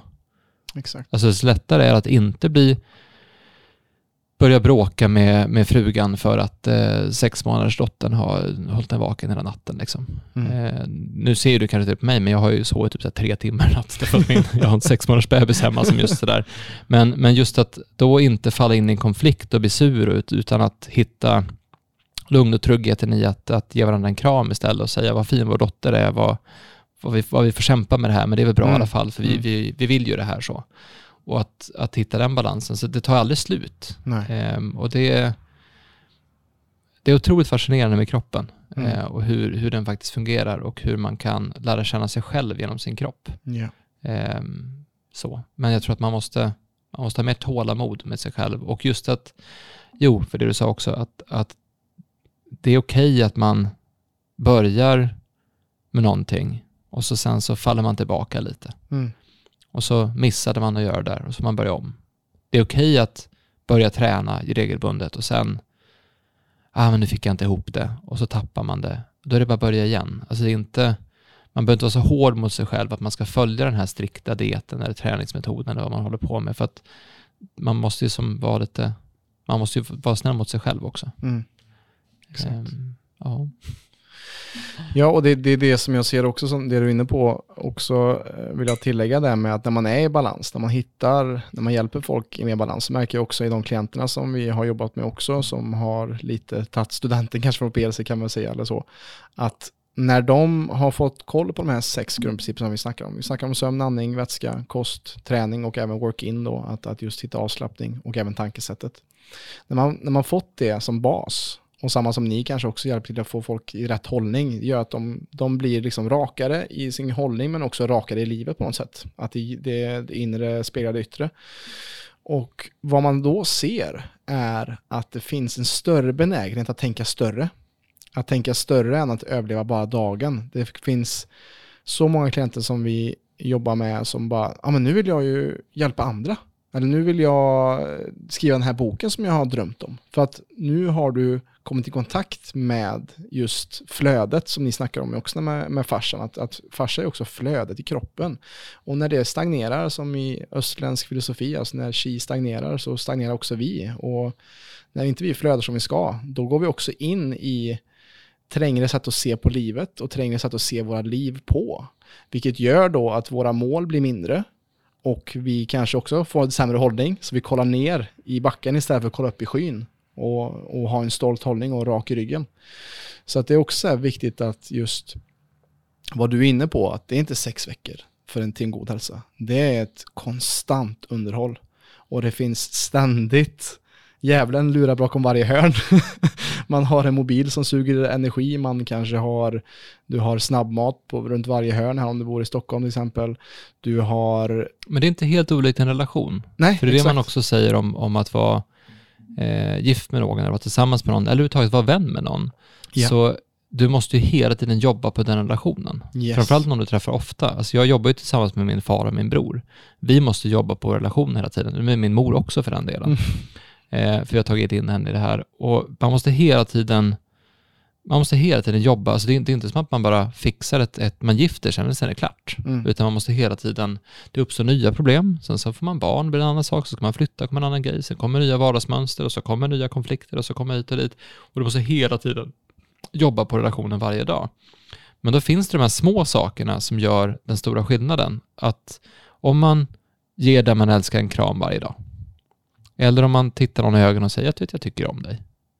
Eller man frågar hur var din dag? Alltså väldigt små saker, att man ser den personen man är tillsammans med varje dag. Mm. Och på samma sätt blir det med, med kroppen, att om man gör de här små sakerna, du, du lägger fem minuter på att djupandas till exempel. Eller du hittar en stund där du faktiskt andas och tar det lite lugnt, eller bara hittar en, person, en stund utan stress. Eh, det du gjorde innan vi började spela in idag. Så att Mm. jag brukar alltid ta en stund av lugn och ro innan vi börjar. Är du okej med det? Ja, absolut. Så är det, det, absolut. Mm. Bara sitta helt tyst i Ja, för det är lätt, så, det är lätt att glömma just de ja. här små mikropauserna. Och att, eh, ja, men att, att le mot sig själv eller göra någonting kul eller skratta eller, eller faktiskt röra på sig lite grann. Eller, alltså jag, har ju, jag har ju hund sedan sen 2019 och eh, jag är ingen hundmänniska alls. Så jag var inte alls positiv till det här från början. Men min fru sa så att det är eh, ska det vara mig så blir det hund. Så jag sa okej, okay, då, då kör vi så. Eh, och nu är det nästan, jag, jag tar nästan alla promenader. Mm. Och det tyckte jag var jättejobbigt först. Nu tycker jag det är helt fantastiskt. Mm. Därför att jag måste ut och gå. Och jag tror inte att det hade gått ut och gått om jag inte hade haft hund. Eller jag vet att det inte hade gått ut och gått varje dag om jag inte hade haft hund. Men jag mår, mår väldigt bra av det. Så det gäller också att hitta de här sätten som gör att man, man får den här pushen till att göra saker. Eh, nu jobbar jag mycket med träning. Jag har haft jättesvårt att få igång min träning, framförallt nu sen, mm. sen hela graviditets, förlossnings, eh, småbarnslivet liksom, eh, och mycket jobb och sådär. Eh, men det som funkade för mig var att jag hade en, en kompis som, vi hade en challenge med varandra, att mm. vi skulle göra x antal armhävningar per dag och sånt där. Då går det jättebra. Så ibland behöver man den här, den här lilla extra pushen också, men det är de här små sakerna som, och det roliga med det här är att, att eh, vi har ett begrepp, jag och, jag och Per, som vi jobbar mycket med i poddarna och det är att vi, vi tror väldigt mycket på komplexa teorier i vårt samhälle. Det ska vara en komplex lösning. Men bara för att det är enkelt i teorin betyder inte att det är enkelt i praktiken. Nej. Och vi underskattar saker som är enkla i teorin men svåra i praktiken. Mm. Att vara trevlig mot alla människor du träffar, mm. superenkel i teorin. Mm. Mm. Att vara trevlig mot alla människor du träffar, supersvårt i praktiken. Och det här är någonstans, alltså det behöver inte vara så fruktansvärt komplext som vi gör hela tiden, mm. utan det kan vara så att du faktiskt bara ska vara trevlig mot alla du möter, men eftersom det är så svårt i praktiken, ja men så träna på det då. Träna på att göra det varenda dag. Träna på att få in den här, och det är samma sak, alltså det är inte, det är inte jättekomplext att djupandas. Man behöver inte ens göra det på det här sättet som man lär ut dem hit och dit och fram och tillbaka. Man kan bara, man kan bara djup, alltså andas. Andas in med näsan, andas ut med näsan. Så hitta en stilla stund. Det är ju inte jättekomplext. Men det är svårt att göra varje dag. Yeah. Det är svårt att hitta rutinen till det. Och det är det här som jag tror är nyckeln i det. Hur gör man det enkelt? För en sista eh, punkt jag tänkte ta på det här med, med fascia eller det här med kroppen, det är, det är modell som, som vi kallar för trappan. Och det är att du, du säger att du är frisk. De, det är väldigt få som är längst upp på trappan, utan de flesta är på kanske steg, steg två. Då eh, andra trappsteget. Och då, då mår man, ja, man ganska bra. Man, man, man mår inte helt perfekt, men man mår ganska bra. Men sen så kommer en period av lite mm, stress eller lite jobbigt eller så här, då halkar man ner ett trappsteg och där, där får man lite ont i ryggen en gång i veckan kanske, eller ont i huvudet någon gång då och då. Men sen så blir det här lite för mycket, då kan man halka ner ett trappsteg till och då plötsligt så har man, har man svårt att sova. Och när du har svårt att sova har du svårt att återhämta dig, då får du andra typer av problem. Jag har märkt det själv nu när jag har haft svårt att sova med, med dottern, att plötsligt får man problem med öronen, eller med ögonen, eller med andedräkten, eller magen. Eller det, det blir lätt någon form av störning som blir lite för mycket. Mm. Och sen fortsätter då det här fallet neråt steg för steg och till slut så har du en, en typ av sjukdom. För det finns ju väldigt få människor som går från helt friska till att vakna upp med, med ryggverk, alltså kronisk ryggverk, på en natt. Så det är oftast en successiv förändring som tar väldigt, väldigt lång tid. Yes. Och Ibland kan man få en snabbresa neråt genom en olycka eller trauma eller någonting hemskt som händer eller att, ja, vad som helst så. Men någonstans är det lite det här skeendet som, som är en förklaringsmodell till varför man blir sjuk eller får olika typer av problem. Det man har gjort då idag, det är att man tittar på diagnosen långt där nere på åttonde, tionde, femtonde, tjugonde trappsteget. Och så försöker man förstå den. Det som är svårt med det, det är att din resa ner till trappsteg 20 och min resa ner till trappsteg 20 och Pelles resa ner till trappsteg 20 var helt olika. Så att vi har olika väg neråt, olika tankemönster, vanemönster, kostmönster. Det, finns, det är väldigt komplext att försöka förstå den sjukdomen, men det är det man försöker göra. Man försöker förstå den sjukdomen, hitta ett botemedel för den och försöka få den att funka. Mm. Vi har gjort precis tvärtom. Mm. Vi har tittat på hur ser en person som är frisk ut? Just det. En person som är frisk, de har en bra hållning och en bra balans i kroppen. Ja, det finns ett bra flöde, det finns en bra avslappning, det finns en bra cirkulation, det, det, det är lätt att andas, det, det, är, eh, man har en bra näringsstatus, man sover bra, eh, man äter bra. Så. Där, där är någonstans när man är frisk. Det vi har märkt är att om vi fokuserar på att, att bara fokusera på att, på att vara där uppe, att bara fokusera på det hela tiden, då brukar kroppen läka allt det andra på vägen. Just det. Och det är inte så konstigt för att det är kroppen som har skapat problemen. Eller vad vi utsatt kroppen för som har skapat problemen. Men det här det kräver en helt annan typ av, det kräver en kompetens att förstå som är specialist, alltså speciella sjukdomar. Men det kräver en annan kompetens att förstå enkelheten. Därför då måste du också släppa att du måste förstå exakt vad det var som hände som gjorde att du hamnade där. Och det är inte lätt. Vi har inte lätt för, för att släppa. Vi vill gärna veta varför det blev så. Och så vill vi gärna ha ett svar. Men svaret, det är en kombination av allting du har varit med om, tänkt, ätit, gjort, eh, träffat, alltså dina relationer, hur du, eh, miljön du har varit i, allting, alla gifter du har fått i dig, all stress du har känt, eh, alla kräsbyten, allt du har varit med om nu under 20-årsperiod, det är det som gör att du är här idag. Den är mycket svårare att förstå. Mm. För vi vill, ha, vi vill gärna ha det här, det var det. Eh, Man får cancer av chips. Ja, det är det vi vill ha. precis. Vi vill inte ha Akrylamid i chipsen. Precis, du, det är inte att du får cancer av att du har levt på ett speciellt sätt i 20 år ihop med att du har en, en känslighet i dina gener som du har aktiverat genom att leva på det här sättet Mm. och så vidare. Och där blir det en, det, blir en, det, blir en, det blir en skevhet i, hur man ser på det. Ja. Men vi har märkt just att fokusera på det här enkla, då tar kroppen hand om jättemycket saker. Och det, det är väl en uppmaning till de som, de som är intresserade av att förstå, alltså helst, gör det enkelt. Mm. Försök göra det enkelt och förstå att charmen i att det är väldigt, väldigt svårt att göra det enkelt. Och det är det som är lite kul med Mm. det. Det, det. Det är väldigt utmanande att göra saker enkelt, därför det är väldigt, väldigt svårt att få det att bli enkelt. Exakt.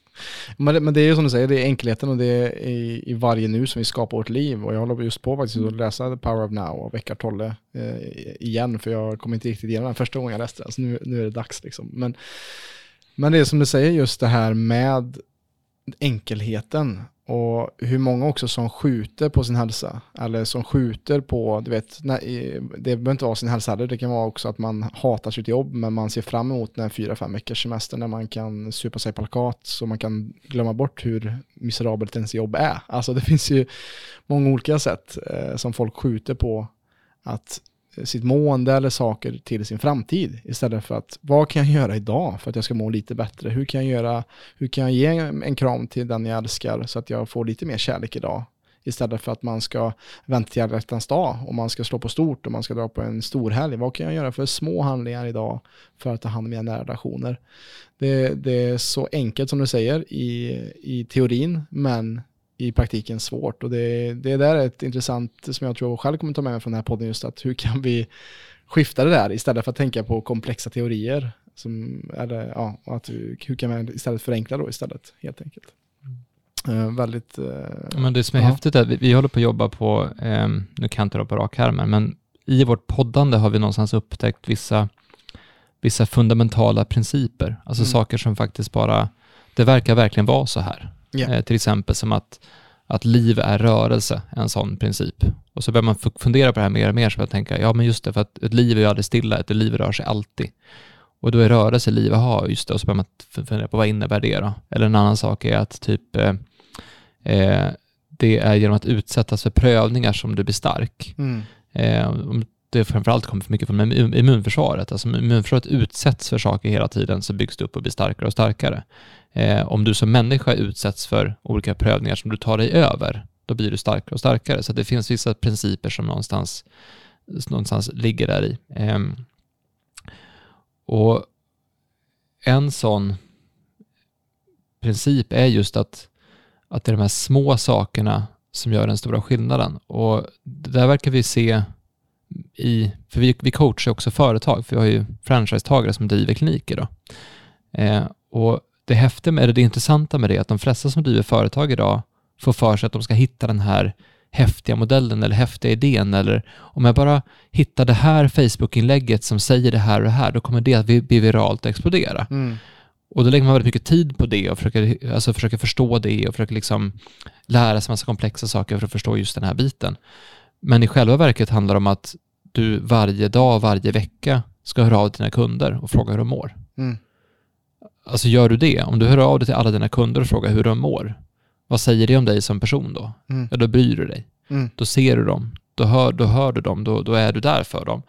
Och Alltså inte fråga om mår som att du har en baktanke med, utan faktiskt bryr dig om dem och tänka på dem då. Vad kommer de att säga om andra? Det, det andra om dig då.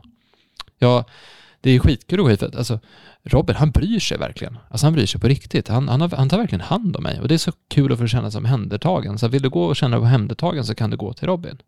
Och det är ju en, det är inte en komplex sak. Det är en väldigt, väldigt enkel sak.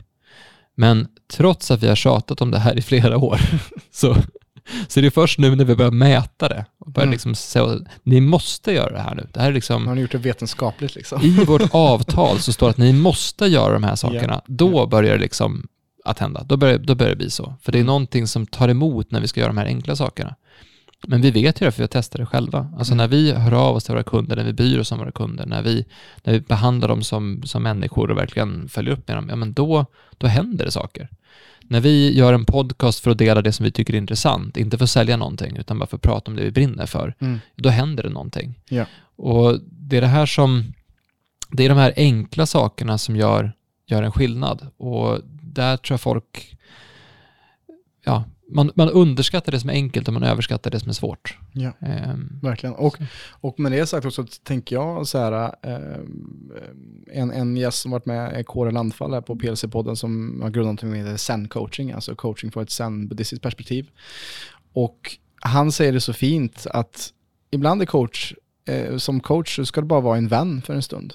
Du ska bara lyssna. Du ska bara ta in. Och, och det roliga var att när jag, jag håller på att göra just den utbildningen själv faktiskt just nu. Eh, och eh, i vår grupp så har vi en som jobbar som psykolog i många år. Och hon bara, varför har jag inte lärt mig det här tidigare? Jag kan ju möta en person på riktigt istället för att jag ska ta ett steg bak och analysera och vara lite på ett visst sätt som jag har lärt mig man ska vara som psykolog och jag ska inte liksom involvera mig. Men är det någonting som vi människor behöver så är det liksom samhörighet och att man verkligen, ja men genuint någon som lyssnar och bryr sig om dig. Och lite det som vi har också gjort, det är fel på något sätt. Att vi, vi ska ha objektivt och vi ska vara så professionella. Men ibland så behöver man bara någon som lyssnar. Som lånar ett öra. Och precis som säger, samma där, enkelheten. Att ibland som coach så lyssnar jag bara. Det finns inget jag behöver fixa utan klienten pratar och pratar och pratar och sen bara Jaha, just det. Och så hittar den sina egna slutsatser. Och så har jag inte gjort till synes någonting alls egentligen. Jag har bara låtit klienten ha någon att prata med.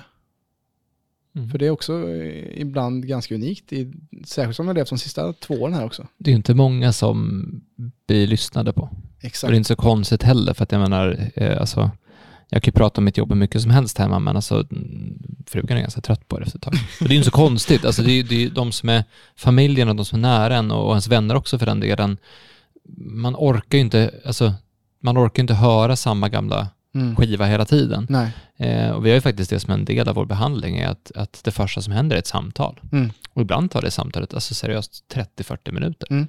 Det, är bara för att man, det är ingen som har gått igenom och tittat på hur mår du egentligen? Och få Ja. prata om vad du har med om och få ur det här ur kroppen. Alltså att få ur, få ur att någon annan vet vad det är som har hänt. Att, man, att någon annan faktiskt lyssnar och bryr sig om dina problem. Mm.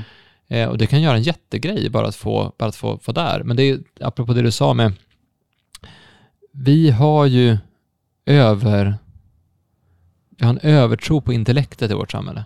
Alltså vi tänker att, att smart är att kunna tänka komplext och bygga upp massa modeller och system. Det är inte att, att vara en bra människa. Alltså vi har, vi har en övertro på det som är intellektuellt och det som är, det som är akademiskt och det som är teoretiskt. Men vi, har, vi undervärderar erfarenhetsbaserad kunskap, alltså saker som, är, som jag har lärt mig från erfarenheter. Till exempel, jättebra exempel på det är eh, eh alla hantverkare. Eh, alltså om du, har du lagt något golv någon gång? Nej, faktiskt inte. Jag, jag la ett golv i min lägenhet Mm. för ett år sedan. Mm. Eh, och för första gången. Så här klickgolv. Mm, Ganska mm, enkelt egentligen. Du vet, såga också där. Tänker man. Ja. Sen gör man det. Och det, det, är ju, det är ju relativt enkelt. Och det är liksom, man tittar på en film, så här ska det gå till. Och man sågar så här man gör och så. Men när man väl gör det, om man inte har gjort det förut, då är det ändå ganska komplext. Mm. Men om jag tar min kusin som är hantverkare, Vet, han eh, åkte hem till mina föräldrar och liksom sågade upp ett hål och satte en liten dörr. Det gjorde han liksom så här, plupp, helt felfritt, helt perfekt utan, utan problem, så där, för att han har gjort det förr. Mm. Och då sitter ju kunskapen i, i händerna, kunskapen sitter i att man har gjort det. När man ser någonting behöver man inte titta en gång till på instruktionen, man behöver Exakt. inte fundera hur det var. När man sågar någonting blir det alltid rakt, för det blir alltid rakt när man sågar. Mm. Medan för mig när jag la golvet för såga snett, mätte, ja just det, shit jag tänkte inte på det där när jag mätte. Du Mm. vet, det, det är mycket sånt som, som vi någonstans, vi underskattar alla som jobbar med erfarenhetsmässiga saker. Samma sak som du tar en, vi jobbar mycket med, med, med manuella terapeuter, de som tränar på att ta i folk. Och då tänker folk att, ja men vadå, de har bara utbildat sig och lärt sig. Ja, riktigt så är det inte heller, utan de som har jobbat i 20 år och träffat 30 000 personer och hållit i 30 000 personer, de känner ju saker på ett annat sätt. De har ju utvecklat den känslan. De, de Mm. kan ju ta i folk och, och känna saker på ett annat sätt. Men vi tror ju någonstans att, att kunskap om kroppen är det du läser dig till. Inte det som kommer av att du har tagit i många kroppar eller pratat med många människor eller sett många saker. Och det där är, det är inte fel med det intellektuella och det är inte fel med vetenskapen, det är inte fel med de teorier som finns. Men det blir väldigt enformigt om vi tror att det står över allting annat. Mm. Så det handlar kanske snarare om att få det här andra att få samma typ av status. Så vi, vi har något podcast som vi ska göra snart där vi ska prata om just det där. För det ju, du sa ju det här med att det är många som har gått i vården och inte fått hjälp. Och det är intressant och då, då är det någon som har gått i vården till läkare efter läkare, specialist efter specialist och inte fått hjälp. Så man har gått till den som har högst status i samhället för att få hjälp med sina problem Mm. och inte fått hjälp. Mm. Då går man till den som har lägst status i vårdsamhället, som är terapeuten. Mm. Och då får man hjälp. Ibland. Alltså inte alltid, men, men ibland så har det faktiskt hänt att det blir precis så. Men hur kan då den här ha så fruktansvärt låg status och den här har så fruktansvärt hög status? Det blir ju någonstans lite skevt i hur vi har delat upp det, hur vi ser på det. Mm. Ehm, Så det är mycket, det är många mönster och idéer och tankar och saker vi har byggt upp i det här samhället som är lite märkliga när man väl börjar titta på det. Ja. Eh, Och det är någonting som vi tycker är väldigt roligt att göra, att titta på det. ja, jag förstår det. Men vi vill ju ingenting heller, alltså, alltså om, om någon hör det här som är inom eh, forskningssvängen eller vård, alltså gör en studie på det vi håller på med, absolut, vi kan ställa upp med vad som helst. Mm. Det, vi har gjort en forskningsstudie, jag kommer aldrig göra en till. Därför det är för, det är för ronkigt för mig från det här hållet att göra en forskningsstudie igen, det tar för mycket tid. Mm. Men vill någon göra en studie på det vi har gjort? Absolut. Vill Ja. någon eh, eh, titta på hur vi kan göra en vårdprocess tillsammans med, med en läkare och undersökningsmetoder och alltihopa? Absolut. Vi, vi, vi har tagit fram så mycket olika sätt att, att mäta inflammation i vävnaden och kunna se ryggverk, om det ryggverk finns eller inte. Eh, både före och efter behandling, men framförallt för att kunna dia- diagnostisera olika typer av inflammationsrelaterade problem. Eh, vi har tagit fram sängliggande, alltså för eh, hur man får någon som ligger på i äldrevården eller IVA att röra sig utan att lämna sängen. Eh, Det finns ju jättemycket innovationer för att just öka rörlighet och få fart på, på, Mm. på den typen av processer om det fanns ett intresse att göra det. Så att hör av er om ni är intresserade. Det är bara, alltså absolut, vi, vi kan, vet, jag vet inte ens, vi skulle kunna ge bort vissa saker också, absolut. Mm. För det, det handlar om att försöka få, få till ett annat sätt att se på hälsa, ett annat sätt att se på kroppen. Ja. Ehm, ja. Och lite vad du är inne på och det här med intellektet säger jag också just det här att eh, som jag ser ett skifte som jag hade velat se mer när det kommer till generellt samhället är att vi flyttar vårt fokus från huvudet ner till hjärtat. Och eh, precis som, som vi, du sa här i början på avsnittet att just att, eh, att ni har eh, alltså, stött på mycket så här, ja, men frustration i att ja, men kolla det här funkar ju. Folk med kronisk smärta har blivit bättre och till exempel det här p- pojken där i, i, på Färöarna som din pappa, vi kan snacka om det kanske också alldeles strax just. Alltså att, att hjälpa någon som haft kroniska bekymmer i flera år och som på, till synes med röntgen och sånt inte, man hittar inget fel, men så har ni på något mirakulöst sätt, fast det är inte flummigt eller mirakulöst, utan ni har, ni förstår just hur det funkar med fascia och bindväven och kroppen och ser det i en helhet. Och då är det inte så mirakulöst, utan då är det bara, ja men, vi behövde lägga till lite tryck här och lite här, så att kroppen kunde komma till homeostas och få bättre flöde igen. Och det är väl därför alltså vi är så uppe i huvudet att vi trots att det, så, folk blir bättre och mår bättre så är det svårt att, att acceptera det kanske och, och För att vi behöver se det här eh, eh logiska och vetenskapliga i det, i allting. Um, och då blir det som en bromskloss också för utveckling av vad det skulle kunna ge samhället också. Men sen kanske det också är viktigt att det finns också en bromskloss för att man inte ska kunna släppa igenom allting heller såklart också. Så att det är klart att det finns där. Men, men du får gärna berätta om, om just den här, det här fallet med den här, fär, vad säger man, färöan eller? Ja, precis. Människan från Färöarna. Exakt. eh, nej men vi har ju haft ett, alltså det som är lite, lite lurigt efter ett tag när man håller på med det här, jag har hållit på med det här i, jag blir det 12 år nu. Det är ganska länge. Apropå det här med bromsklossar, det, det finns ju en hel del. Mm, mm. Eh, å andra sidan säger det en, en sak som är väldigt mycket Sverige. Alltså det är, vi har sagt att hade vi varit i USA så hade vi nog slagit igenom för åtta år sedan eller tio år sedan, eller på en gång. Men då hade det kanske inte blivit lika bra som det är nu. Därför det finns också en, alltså som jag sa, motståndet gör det också starkare, mm, så det utvecklas det, ja. genom motstånd. Yeah. Och det intressanta med, med det är, eh, nu kanske det låter lite, eh, lite storsint att tänka så, då, men om du tittar på både, både Klarna och Spotify, som är två stora exportföretag som vi har haft, mm. så var det, de var så fruktansvärt hatade och motarbetade i början, båda två. Mm. Spotify, framförallt av skivindustrin, och Klarna var ju, alltså man tog Euroviden som paria. Det var som så här, usch vilket äckligt företag var det alla som tyckte från början. Mm. E-handel, trygga betalningar, alltså, nej det här är ju helt fel. Och så sen så nådde de en punkt när de verkligen slog igenom och då vart de ju precis överallt och är ett jättestort internationellt företag också. Så att det finns någonting i att när du hela tiden måste när du hela tiden möter motståndet måste du förfina och förfina och förfina och förfina och förfina och förfina. Slipa svärdet. Och slipas och då kan det bli någonting riktigt, riktigt bra av det. Och någonstans tappar man också man tappar någonstans eh, prestigen efter ett tag också. Mm. Alltså vi är bara intresserade av att det, att det blir av nu. Mm. Jag är inte så noga med att det måste vara på ett speciellt sätt. Så att kommer du med ett, med ett bättre sätt att behandla på, absolut. Kommer du med ett enklare sätt att få i dig näring på, jajamän, vi, vi inkorporerar alltihopa. Vi behöver nya samarbetspartner, vi behöver nya anställda, vi behöver, liksom, vi behöver, upp, vi behöver göra det här mycket, mycket större än, än vad vi är. Och då blir det också lättare att få det att växa.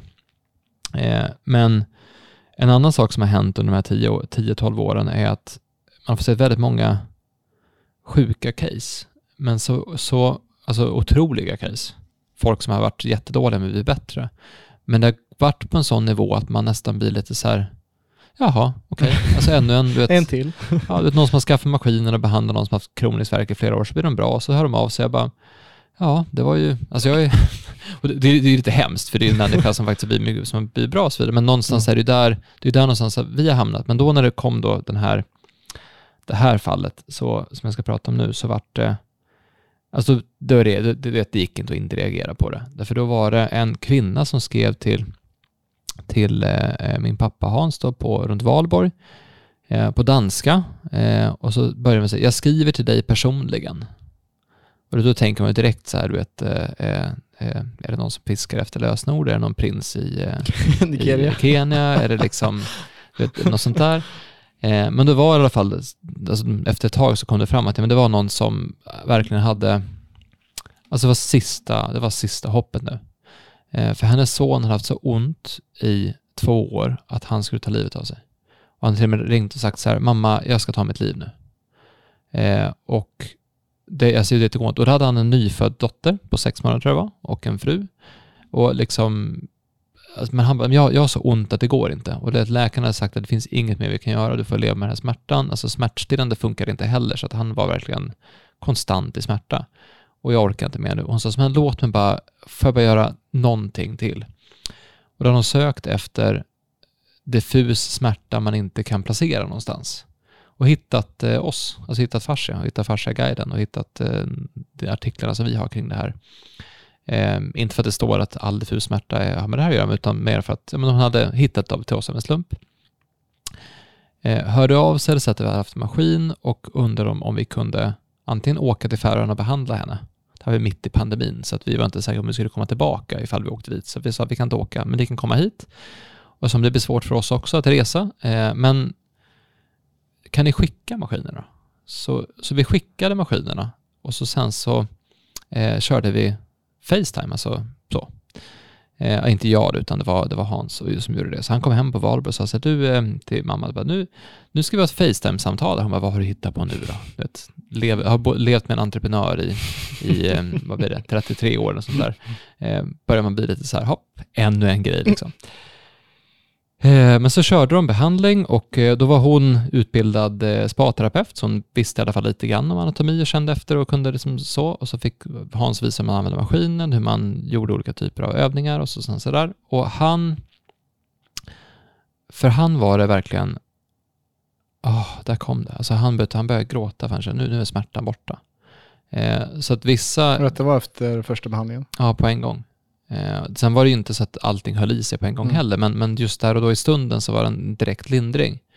Eh, och sen så fick han lite mer behandling, så de behandlade honom varje dag tror jag i två veckor och sånt där. Och sen så slutade han med smärtstillande och, och mådde riktigt, riktigt bra. Mm. Och det här var då i maj och sen så i september så kom han hit eh, och då var han på en kurs som vi höll och då intervjuade vi honom. Så den intervjun finns uppe också, där de berättar om den här resan. Eh, nu är det inte så att alla med kroniska problem blir bra på en gång eller, eller med nervsmärtor blir av med dem på en gång. Men, men för honom var det just att den, den beröringen som blev med maskinen, för att maskinen som jag tagit fram har en speciell eh, det är ett speciellt ljud men också en speciell puls som gör att det vibrerar i hela kroppen men, men behagligt. Alltså det är inte som en massagepistol som slår ganska fort utan det är ganska, det är ganska mjukt men ändå väldigt kraftfullt. Mm. Eh, och för honom blev det det som bara stängde av allting. Alltså fick han kontakt med kroppen på ett annat sätt. Eh, men sen visar det sig att, att han har ju han var ganska vårdslös med sig själv. Alltså han har dels haft två olika olyckor som gjorde att han hamnade där, men han har också ett beteende i sig att han, han eh, inte riktigt tar hand om sig själv. Han är ju 19 år gammal, så det, det, alltså man har ju kanske inte lärt sig alla livets hemligheter när man är 19, men, mm. men det fanns ändå en, en bakgrund till det, så att så blev han ju bra. Men sen så har det ju tagit en stund att komma tillbaka till det. För då trodde han i, när vi träffades i september att nu eh, ja, nu ska jag gå all in på det här och skaffa maskiner och starta farsaklinik på Färöarna och bli terapeut och så vidare. Och vi bara, du kanske ska bara, bara leva en stund först. Mm. För du har ju gått från att inte vilja leva alls till att plötsligt kunna fungera igen. Och nu har han tydligen fått en, eh, eh att han fått problem igen. Eh, så att det blir, det är inte som att det blir klart för all framtid. Alltså har du varit med om den typen av trauma så är det inte säkert att du blir av med problemen på en gång heller. Nej, vi kommer ju tillbaka till det här med underhåll ja. som vi snackade om tidigare också, att, att inte förlita sig på att en behandling eller en viss terapiform kommer hjälpa dig resten av ditt liv, utan att det kan vara en del på vägen till läkning, men inte hela sanningen. Men, men vikten någonstans i att, att känna hopp är ja. väldigt viktig. Ja. Eh, och sen är det en annan sak som är, man inte heller ska underskatta och det är vad som händer när man verkligen beslutar sig för att göra någonting. Mm. Att nu, nej men nu ska jag göra det här. Yeah. Och jag, det spelar ingen roll vad det kostar, det spelar ingen roll vad jag gör, det spelar ingen roll vad, vad konsekvensen blir. Jag ska göra det här. Eh, den beslutsamheten har också en väldigt häftig effekt både på livet i allmänhet och eh, även på hälsan. Eh, om det då är någonting som är, eh, alltså om man beslutar sig för att göra någonting som kanske inte är så bra så kan det bli problematiskt, men om man beslutar sig för någonting som ändå ligger åt rätt jag, jag ska bli frisk liksom, till exempel. Um, så att de, de satsade ju verkligen på det här. Uh, de, de köpte två maskiner, trots att alltså det, är, det är en jätteinvestering för dem, men de var liksom att okej, okay, det är det här eller det är det här eller döden. Och vad är ett liv värt? Ja, men det, för oss är det värt det här. Och så mm. satsar de på det. Och det tror jag också hade en effekt i att det vart så att effekten vart så stor. Yeah. Man ska inte underskatta avsikten bakom det man gör. Eh, man pratar ju om, det är, så, det är också lite tråkigt, man pratar ju om placebo som någonting negativt idag, vilket är jättedumt, därför att det, det kanske är den, en av de mest potenta läkemedel som finns, är placebo. Det finns ju folk som blir friska från alla möjliga saker med placebo. Men vi pratar om placebo som någonting som stör i eh, en läkemedelstest. Liksom. Men om avsikten är att du ska bli bra, då är det skitsamma vad det var som gjorde dig frisk. Mm. Alltså, det spelar ingen roll om du kom hit och fick behandling och det du var frisk av, eller om du fick behandling, alltså blev frisk av att du blev lyssnad på, eller av att du lyssnade på en podd som gjorde att du tänkte annorlunda, eller om du förändrade vanor, eller om du tog de här kosttillskotten, eller om du ändrade kost och livsstil. Alltså vad som gjorde dig frisk är egentligen inte så, inte, inte så intressant. Det intressanta är att du blir frisk. Exakt. Och om då tankeverksamheten och ens trosystem och allt man tänker på kring kroppen, ens beteenden, för tankar formar ju beteenden. Och om det är det som gör att du blir sjuk och du börjar förändra dem så att du blir frisk. Det är också placebo. Så att den här, man ska definitivt inte underskatta vikten av att faktiskt ha en avsikt att vilja bli bra Mm. och att, att jobba med placebo. Vi jobbar jättemycket med placebo på våra kliniker.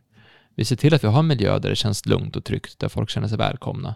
Vi jobbar jättemycket med det på våra kurser som vi har också, att vi bygger upp en stämning som är en stämning där du, där du känner dig trygg, där du kan dela mer av dina kunskaper utan att känna någon konkurrens eller något hot, där du känner att du kan vara dig själv utan att du behöver ta för mycket plats, där du känner att du får ta plats. Eh, och i en sån miljö så lär man sig mycket, mycket mer. Då, då är man mycket mer, det är mycket lättare att ta in, alltså det är lättare att ta åt sig kunskap om det på en sån nivå än om du håller på att fundera på, hmm, vågar jag säga det här eller inte? Mm. Eh, Så den öppenheten och så, det gör ju mycket för, för, för allt möjligt. Och där, jag tror vi, vi underskattar den aspekten väldigt mycket. Ehm, och det är en, framförallt när det kommer till läkning. Mm. För du kan ju i princip tro dig frisk. Det har jag också sett. Ehm, Mm. Sen kräver det kanske lite mer, lite mer tro då, för det är en annan, annan punkt som vi har lite lite av i vårt, i vårt samhälle idag. Tron på att saker kan, tro på att kroppen kan läka. Ja men exakt och det är ju för de som har lyssnat på podden tidigare, det vet inte du om Axel men, men jag kom i kontakt med meditation när jag var 15 för att jag hade jättemycket ångest och, och mådde dåligt och kunde knappt gå i skolan på grund av det. Eh, och med hjälp av just en coach som lärde mig meditera så kunde jag sakta men säkert eh, under flera års tid då såklart, det var inte så att det gick över en natt men jag kunde ändra om mitt egna trosystem om mig själv och kunde hitta en inre trygghet och en tillit och en tro på mig själv. Och det är någonting som vi oftast, som folk inte ens tänker på mycket. Vad var du, för jag säger alltid det, alltså om du ska manifestera sin dröm, eller som vi snackade om det här bordet förut också, att detta är ju någons idé. Och att, att allting skapar i tanken, våra tankar skapar våra ord som vi säger, våra ord skapar vår handling, vår handling skapar våra vanor. Och på så sätt så skapar du sjukdom eller eh, hälsa med dina tankar, att det startar där. Men många tänker inte på det, precis som du sa här. Jätteintressant just att någon har tänkt på den här designen av bordet och nu finns det här. För att någon har haft den idén i sitt huvud, samma med den stolen som du har, den här klassiska Marcus Ikea-stolen som du sitter på, som jag också har en hemma. Alltså det är någon som har tänkt det. Mm. Det är någon som har haft en dröm eller någon som har tänkt på, oj, jag vill skapa en podcastmick här så att någon kan ha ett riktigt krispigt ljud här. Det finns ju en tanke och med alla tankar skapar vi någonting. Eh, ja, och jag tänker också, eh, en liten fråga här. Vi har suttit och druckit vatten här hela avsnittet här i försökt göra så tyst som möjligt. Eh, och eh, tänkte jag ville bara höra just hur viktigt just vätskenivån är när det kommer till fascia. För när det kommer till PLC så är det ju det är en av våra grundprinciper. Vi säger att man ska dricka 2-3% av sin kroppsvikt i vatten varje dag, vilket väger man 100 kilo, mellan 2-3 liter vatten per dag. Och det är ju någonting som vi ser med folk som är utbrända eller har problem med typ sköldkörteln, att det är eh, förmodligen, eh, de, de vanligaste grejerna vi ser är sömnbrist, eller att man snarkar när man sover, man andas ytligt, man dricker för lite vatten och sen såklart kost och, och annat är inte heller så bra. Men just de här tre, de är jätteviktiga, just vatten, sömn och, och, och andningen. Vad, vad tänker du när jag säger just, eller, och just farsans roll i, i vattnet, eller vattnets roll i farsan?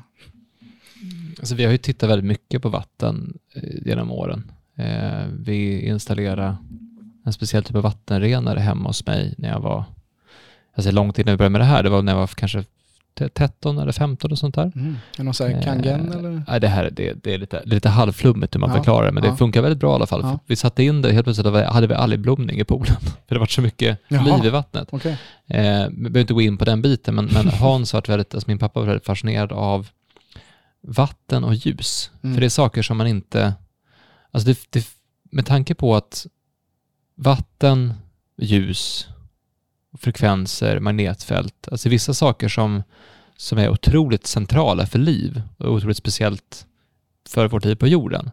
Men det finns fruktansvärt lite forskning om det. Och vi tar det för givet. Ja, det är precis. Så vi, vi har ju byggt en maskin som använder frekvenser och vet, Hans har grävt och grävt och grävt och grävt för att hitta forskning på frekvenser. Det finns väldigt lite gjort. Eh, så det är, alltså, det, vi har ett helt avsnitt som vi ägnar åt just det här, så jag ska inte gå in på, på detaljerna nu för det blir alldeles för långt och för stort. Men om man tar då vatten, eh, de flesta känner väl till det här med att kroppen är 60, 70, 80 procent vatten. Eh, det de flesta inte känner till är att man snarare skulle kunna argumentera för att kroppen är typ 99,9% vatten. Därför att allting i kroppen är, är bundet med vatten. Alltså allting går att binda med vatten. Så Mm. vatten är väldigt, väldigt speciellt. Eh, väldigt unikt ämne. Eh, jag kan säga så här om vatten som är lite intressant också, att vi, apropå vatten, med det vi har pratat om tidigare, eh, vatten är ju en, en, ett ämne som inte beter sig som ämnen ska bete sig. Eh, jag tror att det var typ så här det var 63 eller 47 eller 35 eller alltså jättemånga eh, anomalier med vatten. Alltså det, det fungerar inte som det ska. En sån sak är till exempel det här med att, att eh, 4-gradigt vatten väger mer Mm. än 0-gradigt vatten, vilket gör att sjöar inte bottenfryser. Mm. Så ska inte ämnen fungera. eh, det andra är att man har sett att vatten kan lagra minne. Också en sån här konstig sak. Mm. Eh, man har sett att vatten, eh, alltså ligga elektricitet i en dipol. Alltså det är mycket med vatten som är konstigt. Eh, det intressanta med det då, då har man gjort så här att, jaha, vatten är konstigt, så låt oss lägga en parentes runt vatten och så sen så tittar vi på alla andra ämnen och så ser vi hur de fungerar och så bygger vi upp lagar och regler kring hur det är. Så man har satt en parentes kring vattnet. Mm. Fast om vatten är den, den förutsättningen för liv och sätter en parentes runt det när vi ska förstå världen. Det blir lite konstigt. Mm. Så vi ska försöka förstå världen och livet och hur allting hänger ihop, naturen, fast vi kan inte förstå vatten, så vi, skit, vi skiter i vatten. Det är ungefär som, det här är ett helt annat ämne så vi kan prata om någon annan gång, men, men eh, det är samma sak som med, med, med eh, nästan alla anatomiska studier gjorda på män. Och de är gjorda på hanmöss istället för honmöss. Därför att kvinnor har hormoner mycket mer än män. Och de här hormonerna är i vägen när man ska testa saker. Så att om jag vill kunna se hur det påverkar det, så vill jag ha bort hormonerna för de stör. De liksom, ibland påverkar det det, men om hormonerna är där så påverkar inte det, eller så blir det på ett annat sätt. De har sagt så här, vi skiter i hormonerna. Vi tar bort dem. Vilket är jätteintressant, för det betyder att du kan inte säga någonting om någonting, Nej. eftersom att det, det är ju hormoner där hela tiden, det här Ja. samspelar hela tiden. Så Ja. det är därför det är så många kvinnorelaterade problem som är alltså under, det finns en, för, en förminskad förståelse kring det. Mm. Och det var en forskare på um, Fascia Research Congress 2018 som hette Carla Steck och som tog fram just att eh, hormonerna gör att fascian bygger om sig själv inifrån eh, under cykeln, under menscykeln. Så att kvinnokroppen bygger om sig själv flera gånger under månaden. Och det ger en helt annan förklaring till olika typer av ryggvärk och problem som, som framförallt kvinnor kan ha. Mm. Ehm, och det, men det är ett helt annat ämne, det pratar vi också om i en annan podcastavsnitt. Ehm, men tillbaka till vatten då. Så att vatten har man verkligen satt en parentes runt och inte försökt förstå. Men det är ju en av de mest fundamentala förutsättningarna för liv. Ehm, och det är ju det som fascian består av. Alltså varenda kollagentråd har vatten runt omkring sig. Eh, varenda, varenda, alltså det som, jag, vet, jag, pratar inte om vad fascia är för någonting, kom på nu. Det var, jag skulle lova att ta den definitionen. Ja. Eh, jo, för jag sa i och för sig det här med att ja, men du har, du, du har två, två delar kan man säga av fascian. Den Mm. ena är den lite mer fasta delen som är det här spindelnäts, spindelnätsliknande kollagenstrukturen och då är det framförallt kollagen men det är även elastin. Det som är intressant med en kollagenmolekyl består av 3000 aminosyror. Så den är, och de är hoplindade precis som en båttamp, så de är som gjorda i en trippelhelix. Mm. Eh, så varenda liten sån tråd är starkare än ståltråd. What? Så den här strukturen är fruktansvärt stark. Men du Mm. vet ju en båt, alltså en tamp Mm, som du har på en båt, mm, ett rep, de är väldigt, väldigt starka, väldigt alltså, hållbara. Du kan Mm. dra i den, det går inte av. För att den är gjord på just den, den trippelhelix, eh, den skruven kan man säga. Ja. Varenda liten molekyl är 3000 aminosyror. Och det här molekylen blir då trådar som ligger runt allting, så varenda liten tråd är starkare än ståltråd. Det är otroligt starkt i kroppen. Mm. Samtidigt är det helt rörligt och helt flexibelt. Så det, det är liksom kollagen elastin-delen, den här strukturen som håller ihop allting så det inte ska glida iväg. Eh, den mest fascinerande delen av fascian som man har också forskat minst på är flödet som är runt omkring. För det är där som all kommunikation sker. Och det är, framförallt är det eh, vatten i, som är ihopbundet med eh, hyaluronsyra, som är en väldigt speciell polysackarid. Alltså det, är en, det är en väldigt lång molekyl, eh, en, ja, alltså en, en polysackarid. Så. Mm. Eh, och den är väldigt speciell för den ändrar struktur beroende på vilket tryck det är. Det är en icke-newtonsk substans. Eh, en annan sån substans är ketchup. Så att om du har liksom en ketchupflaska så får du inte ut ketchup, så skakar du på den, då kommer ketchupen ut. Mm. Eller crème fraîche. Crème fraîche är hård, men om du börjar röra runt i den så blir den mjuk. Så beroende på vilken typ av belastning eller tryck den får så förändrar den eh, struktur. Mm. Så att en hyaluronsyra med mycket tryck blir väldigt hård och stel. Och då kan det bli stopp i flödet i kroppen. Så, till vatten. Nej, men, och eftersom att vatten är det centrala ämnet som binder ihop allt det här så är det otroligt viktigt att eh, ta hand om vattnet i kroppen. Det är väldigt viktigt att dricka rent vatten. Det är väldigt, vi gjorde ett avsnitt idag faktiskt som handlar om, om försuring. Och ofta så tänker man inte på det, men, men om du dricker kolsyrat vatten till exempel så kolsyra är en syra, så det blir surt, det blir surt Mm. i kroppen. Men du kan dricka sån här alkaliskt vatten eller basiskt vatten som gör att du blir, blir mer basad. Och framförallt om du då har en försurad kropp, vilket väldigt många har, eh, utan att gå in på detaljer. Mm. Eh, så att rent vatten är otroligt viktigt. Och det är otroligt viktigt att dricka mycket vatten för att just ehm, om liv är rörelse och kroppen vill ha den här utbytbarheten så vill man gärna ha, ha någonting nytt som skvalpar runt där inne. och det är ganska mycket, vi består väldigt, väldigt mycket vatten. Eh, och det till och med, jag tror något avsnitt vi pratar just om att eh, det kanske är mer sant att säga att vi är som en vandrande vattenkanna. Mm. Det är, det är där vi är någonstans. Eh, och så sen så har man sett att vatten som sagt lagrar minnen. Eh, det leder elektricitet. Det är där det, man pratar om att nervsystemet kommunicerar i 1500 meter, eller 150 meter per sekund som mest. Medan i fascian så går kommunikationen i 1500 meter per sekund. Oj. Och hur vet man det? Jo, men det är för det, det är ljudets hastighet i vatten. Mm. Därför att eh, vattnet Det är används för snabbare än kommunikation. fiber det. Det är snabbare än fiber det. och, när, men, och då tänker man så här, vad häftigt tänker man. Men om du tänker en rörelse, om du ser en, när du själv gör en reflexmässig rörelse eller att du tittar på någon som spelar trummor eller dansar ballett eller, eller gör någonting eh, så på det sättet eller spelar fotboll eller vad tusen som helst så ser du att det här går fruktansvärt fort och det är väldigt koordinerat och väldigt bra koll på alltihopa. Ehm, men vatten är ett här mysterium så jag, jag vet inte om jag ska säga så mycket mer om det så då kan jag så få hänvisa till, till de avsnitt vi pratar om just där. Det är något som Mm. heter flöde framförallt som man kan lyssna på. Det Mm. pratar om just vatten. För det är, vi vet inte heller så mycket om det själva. Eh, och ju mer vi läser om det desto mer inser vi att oj, det här är verkligen en, en pusselbit som, Mm. som väldigt få har eh, satt sig in i. Vad vi vet om är att det är väldigt essentiellt för att vår kropp ska fungera som den ska och som du säger det här med just eh, eh, vi snackar om surhet, att utan mycket vatten så surnar också kroppen oftast till och skapar oxidativ stress Mm. som i sin tur är inflammation och inflammation är grunden till mest Mm. värk och sjukdom och som cancer också. Det är en grogrund för sjukdom när vi blir sura i kroppen. Mm. Så därför är vatten så otroligt viktigt. Mm. Och många som jag ser och som vi startar upp med som klienter är på tok, alltså kroniskt uttorkade och kanske varit det i nästan hela sina liv. För de dricker också för mycket kaffe Mm. och för lite vatten oftast. Och ibland också lightläsk och sånt, att man knappt dricker något vatten alls.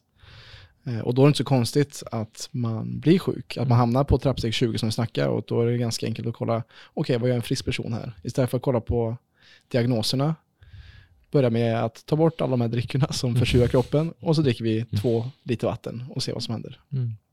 Och många underskattar hur mycket bara vanligt rent vatten kan göra för kroppen. Mm. Och sen är det, är det en sak som...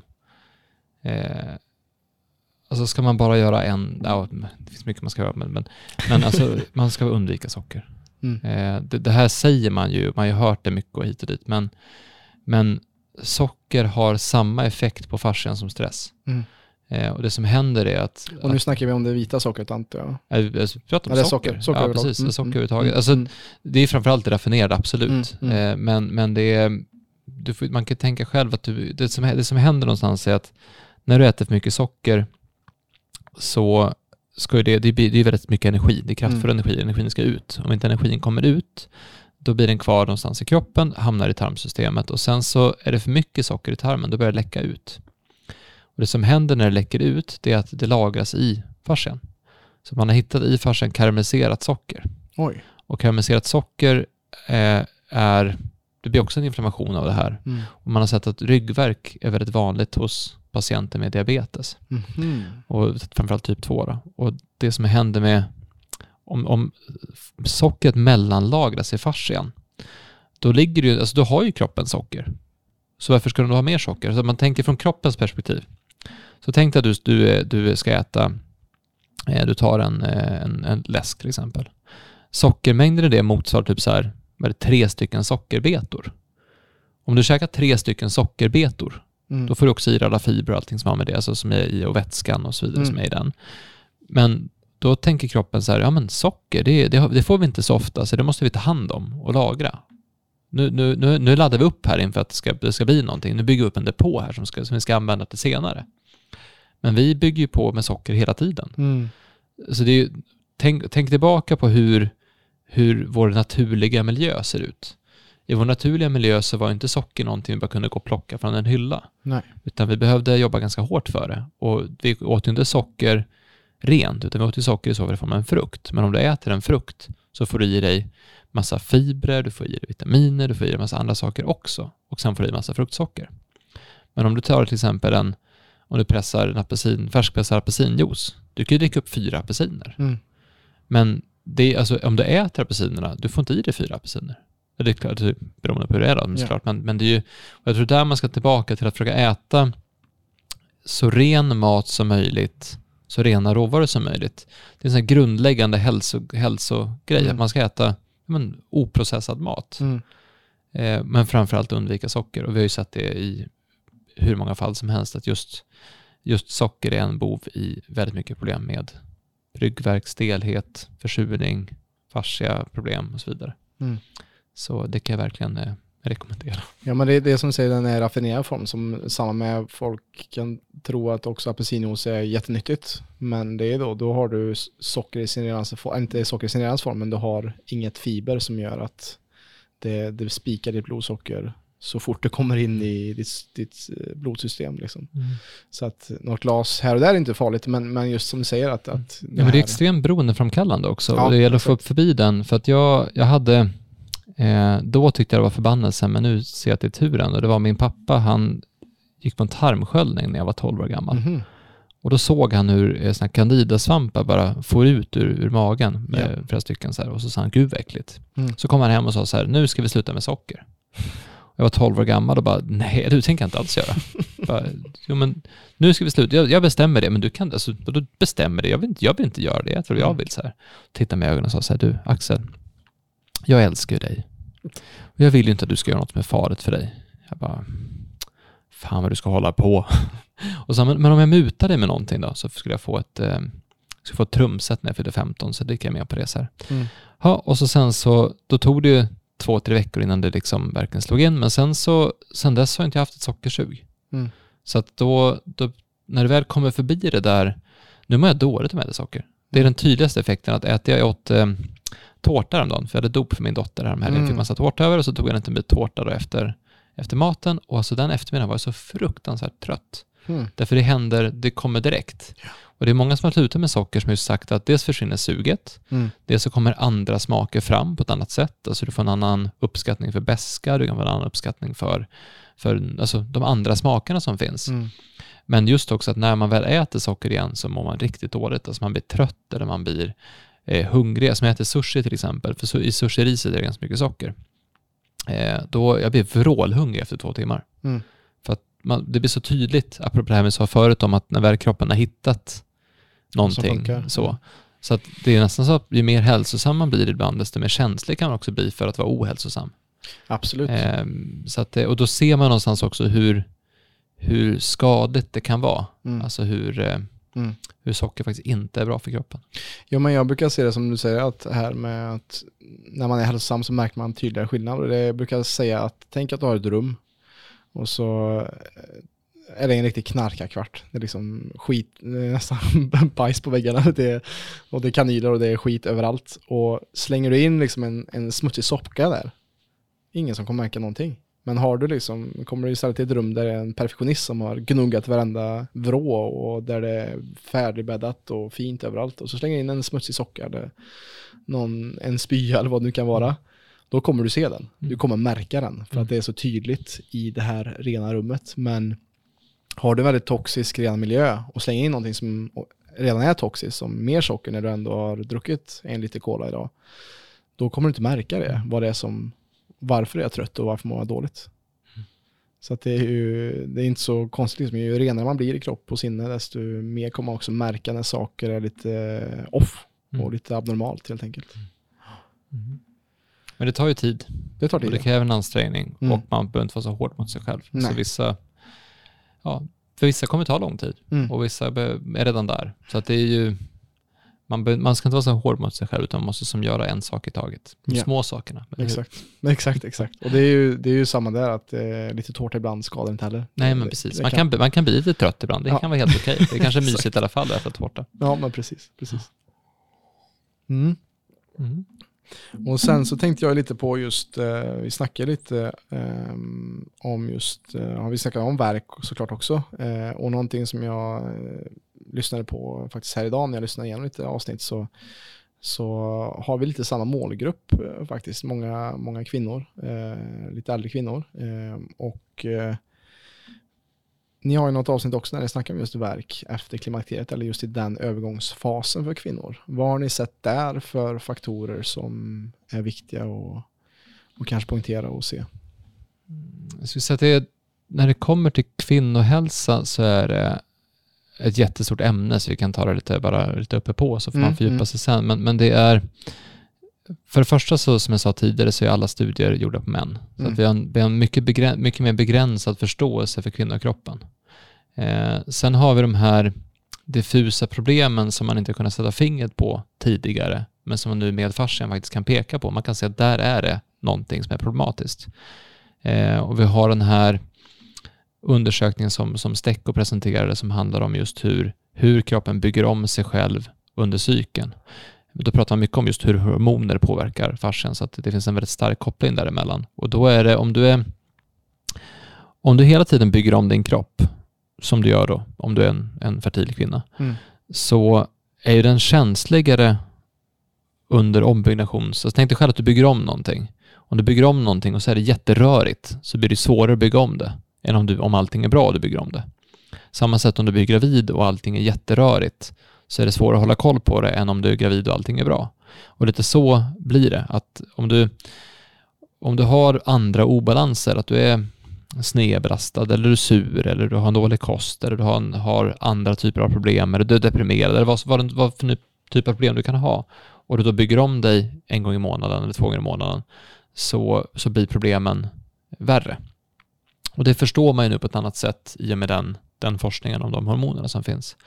Eh, det andra är eh, problematiska förlossningar. Det har vi också sett jättemycket. Och då har vi märkt att alltså säkert 80% av alla kvinnor som kommer med, med problem, då går det att härleda tillbaka till en problematisk förlossning. Mm. Men då är det oftast 10-15 år bakåt. Därför Ja. det är så lång tid det tar innan det hinner, innan det hinner bli Märkas, problem. eller? Apropå det här med Mm. trappan. Mm. Att du liksom, det funkar ett tag och så funkar det ett tag och så funkar det ett tag och så funkar det ett tag tills det en, en dag inte gör det längre och då blir det problem. Mm. Så det, det är en sak också, att, att man kan spåra väldigt mycket tillbaka till en problematisk förlossning. Och det är väldigt många som har ganska traumatiska förlossningar. Ehm, och vi har ju en, en stor satsning vi, som ligger latent som vi ska göra så fort vi får tid över till det. Och det är, det är på förlossningsvård. För jag har använt maskinen för, som smärtstillande vid förlossning. Behandlar jättemycket gravida. Mm. Behandlar både folk före och efter förlossningen. Eh, med jättebra resultat. Just för att få en, en, mjukare, en mjukare förlossning utan eh, kemikalier framförallt. Mm. Eller med om man vill ha det också, men att man har den, den kombinationen. Då. Eh, och sen när det kommer då till klimakteriet, då slutar ju den här förändringen. Det är mycket som händer i kroppen när man inte längre byter kropp hela tiden, som man gör när man, när man är fertil. Och då får man en annan struktur på kollagentrådarna. Mhm. Och då blir det en annan, då blir kroppen annorlunda. Så plötsligt kan man inte leva på det sätt man gjort tidigare. Så det man, det man kunde göra förut kan man inte göra längre. Eller man, får- man får ont av att göra saker som man inte fick ont för förut. Eller man, man trivs med saker man kunde göra för att man inte... Alltså, det, kroppen blir lite annorlunda. Och för vissa märks det knappt, för de hade en livsstil som ändå var likadan i alla fall. För vissa blir det en jätteförändring. Eh, det som är intressant med det här är att ingen pratar om det. Och där tror jag väl att, att det första steget är nu att man faktiskt börjar prata om det och Mm. lyfta upp det och börja ta i det här som att det här faktiskt är något helt naturligt. Eh, och det är samma sak som vi, vi har framförallt, vi har inte kommit så jättelångt i klimakterie eh, biten, vi har inte gjort någon podd om det eller några specifika, specifika artiklar om det, men vi har pratat mycket om det här med hormoner och framförallt om eh, förlossningar. Och det vi har märkt när vi pratat om, om graviditet är att väldigt många, och samhället i stort egentligen, ser graviditet som en sjukdom. Mm. Vilket är totalt vansinnigt. Därför det finns ingenting som är friskare än att vara gravid. Mm. Alltså det är inte som att man bara blir gravid hur som helst, utan det krävs ju ganska mycket för att kroppen ska bli gravid. Eh, det, det finns en... Vi, vi behandlar ju oftast inte folk innan vecka, vecka 15, vecka 17, vecka 12 där någonstans. Därför att innan det så prioriterar kroppen kvinnan. Så att om kroppen inte funkar riktigt bra, då kan du få ett missfall första 15 veckorna, första 12 veckorna, för Mm. att kroppen prioriterar att du ska må bra istället. Men efter det så prioriterar kroppen fostret. Och då kan du i princip göra vad som helst och du kommer få ingen missfall i alla fall. Alltså inte vad som helst såklart, men, men det, är, det är mycket starkare. Alltså man, ser- man sätter på näring att om du är undernärd innan den perioden, då, då tappar du barnet. Men när du är undernärd efter så går all näring till barnet. Mhm. Eh, och det finns framförallt studier om, eh, eh, om C-vitamin och förlossning som jag har lagt upp på Farsägen också som är ganska intressant. Just hur mycket, hur mycket eh, C-vitamin som bränns, alltså hur mycket stress som bränns, hur mycket antioxi- antioxidanter som krävs under en förlossning och en stressfull situation. Så Mm. det finns otroligt mycket spännande kring hela kvinnohälsoaspekten. Och det är ju det är naturligt för oss, dels för att det är ett område som, eh, som jag sa tidigare, gud vad spännande, varför är det så? Det finns en, det finns en enorm nyfikenhet Mm, att förstå hur det här fungerar, framförallt om ingen har tittat på det, eller ingen har tittat på det från det här hållet. Eh, det är en anledning. Det andra är att alltså det är så fruktansvärt hemskt hur många kvinnor det är som går runt och har ont Ja. och som ingen har brytt sig om. Ja. Det, är, det är ju vansinnigt. Och att vi har byggt upp, att vi har låtit det vara så, Mm. så länge och bara typ skitit i det. Mm. Det tycker jag är fruktansvärt. Och det, det är inte en värld som, som vi vill ha. Eh, och den sista anledningen är att men 80-90% av alla vi har jobbat med de senaste tio åren har varit kvinnor. Mm. Så det är kvinnor som behandlar människor, det är kvinnor som har köpt maskinerna, det är kvinnorna som kommer på behandling, det är kvinnorna som startar kliniker. Så det är ju nästan alla, är, nästan alla vi har att göra med är kvinnor. Och då blir det väldigt naturligt att man börjar prata mycket om kvinnor, kvinnohälsa, förstår hur det är och så vidare. Ehm, så det är, eh, det är jätteintressant, men det, det, det, krävs, det krävs mycket. Ehm, det, det krävs mycket mer det krävs att debatten väcks på ett annat sätt och att den tas upp och att det faktiskt börjar lyftas fram. Ja, men det är också en stigmatisering tror jag, att varför kvinnor inte snackar om det. Och det var samma vi intervjuade Åsa Melin eh, förra året tror jag det var. Och hon startade ju Klimakteriepodden på grund av att när hon började gå igenom det så bara, det finns ju ingenting. Eller man kan inte Mm. googla så mycket. Det finns, så hon har gjort ett jättearbete där med, har säkert över 200 avsnitt nu tror jag, där hon bara snackar om kvinnohälsa. Mm. Hon tänkte att ja, men jag ska göra Ja men jag gör tio avsnitt om klimakteriet. Sen så är det nog klart liksom. Och så, hon håller fortfarande på för att det är ett så stort och brett ämne. Och eh, så viktigt hål som hon fyller liksom, som du säger där också. Men Axel, jag tänker också här, du sa ju det att det sker en förändring där också i kollagenet och, den biten vid klimakteriet. Vad, vad kan man göra, ser du, förutom då att gå till fascikliniken och få en behandling? Vad, vad ser du kan hjälpa och vad har hjälpt de här kvinnorna som du har pratat med eller kanske varit med? Alltså egentligen allting som jag har pratat om här. Okej, ja. Eh, alltså det, det är samma, samma grej. Mm. Alltså det, det är andning, det är rörelse, det är kost, det är Mm. näring. Ehm, och det är framförallt att, tror jag, att, att acceptera att kroppen är lite annorlunda. Mm. Eh, för den tror jag kan vara lite svår. Sen så, sen så är det alltid så att har man, har man problem som inte löser sig av att man gör de här enkla sakerna, eh, då är det bara att gå till någon som kan hjälpa en. Mm. Just för att se, men vad, vad kan det vara? Är det någonting som ligger i vägen? För det som jag sa, det kan ju vara att du hade eh, det här problemet som du haft latent gick bra att hantera så länge som du eh, byggde om kroppen varje månad och var mjuk på ett annat sätt. Men sen är det, för det är det som är skillnaden att, att eh, östrogenet säger åt fibroblasterna, fibroblasterna är de cellerna som tillverkar kollagen. Östrogenet säger åt eh, fibroblasterna att sluta tillverka kollagen typ 1 och istället tillverka kollagen typ 3. Och typ 1 är ehm, eh, längre och starkare, alltså det är någonting som vi använder när vi till exempel om du lyfter någonting hela tiden, alltså om mm. du gör, gör olika typer av kraftövningar egentligen, då bygger man mycket kollagen typ 1, därför det, det är någonting som vi använder som stärker upp. Eh, kollagen typ 3 är snarare, det är mycket mer finstämmigt, det är finare trådar, det är mycket mer, jag brukar likna det som att det är mycket mer intern kommunikation, alltså för att få flödena i kroppen att fungera på ett bättre sätt runt omkring. Alltså det är mindre, mindre styrka, mer rörlighet och smidighet, mindre, mer åt det hållet. Eh, och om du då är van med att du bygger om kroppen hela tiden och har ett levnadsmönster som anpassar efter det och så slutar det så att du bara har kollagen typ 1, då, då kan du bli stel på ett annat sätt. Mm. Därför att det blir, den är ju, eh, du, du blir mer som en man. Mm. Ta inte det här fel nu, eh, alla kvinnor, för det kanske man inte vill vara, men, men, men, men fysiskt sett så kan man bli lite mer åt det hållet. och då kanske man måste röra sig på ett annat sätt, man kanske måste ja, tänka på ett annat sätt kring sin hälsa. Alltså, mm. så. Och det, det, det är den, men allting som vi säger i våra poddar och som jag säger nu också, det, det handlar om att man, hitta ett intresse för att bli medveten om din egen kropp mm. och känna efter vad som funkar för dig. Och kanske förstå att det ja, men försöka förstå vad det är som händer i kroppen. Mm. Eh, men just klimakteriet kommer vi, vi kommer jobba mycket mer med det. Eh, så det kommer komma mycket från vårt håll kring det också. Det är en av de stora satsningarna vi gör nu, att gå in på den på det, på det spåret. Mm. Um, så jag, jag får lämna det som en cliffhanger, för att jag, jag vet inte tillräckligt mycket heller för att sitta och prata om det. För det första, jag, jag är ju dels man, dels mm. ganska ung. Så att för mig att sitta och prata om klimakteriet med någon blir rätt, eh, blir rätt fånigt, liksom så. Eh, om jag inte hinner läsa på lite mer då. Ja, det är samma för mig. Alltså, jag är också ung man och Eh, det är liksom blivit att mitt intresse i detta är för att jag själv har kastats in i och jobbar på PLC och att, att målgruppen är mest äldre kvinnor.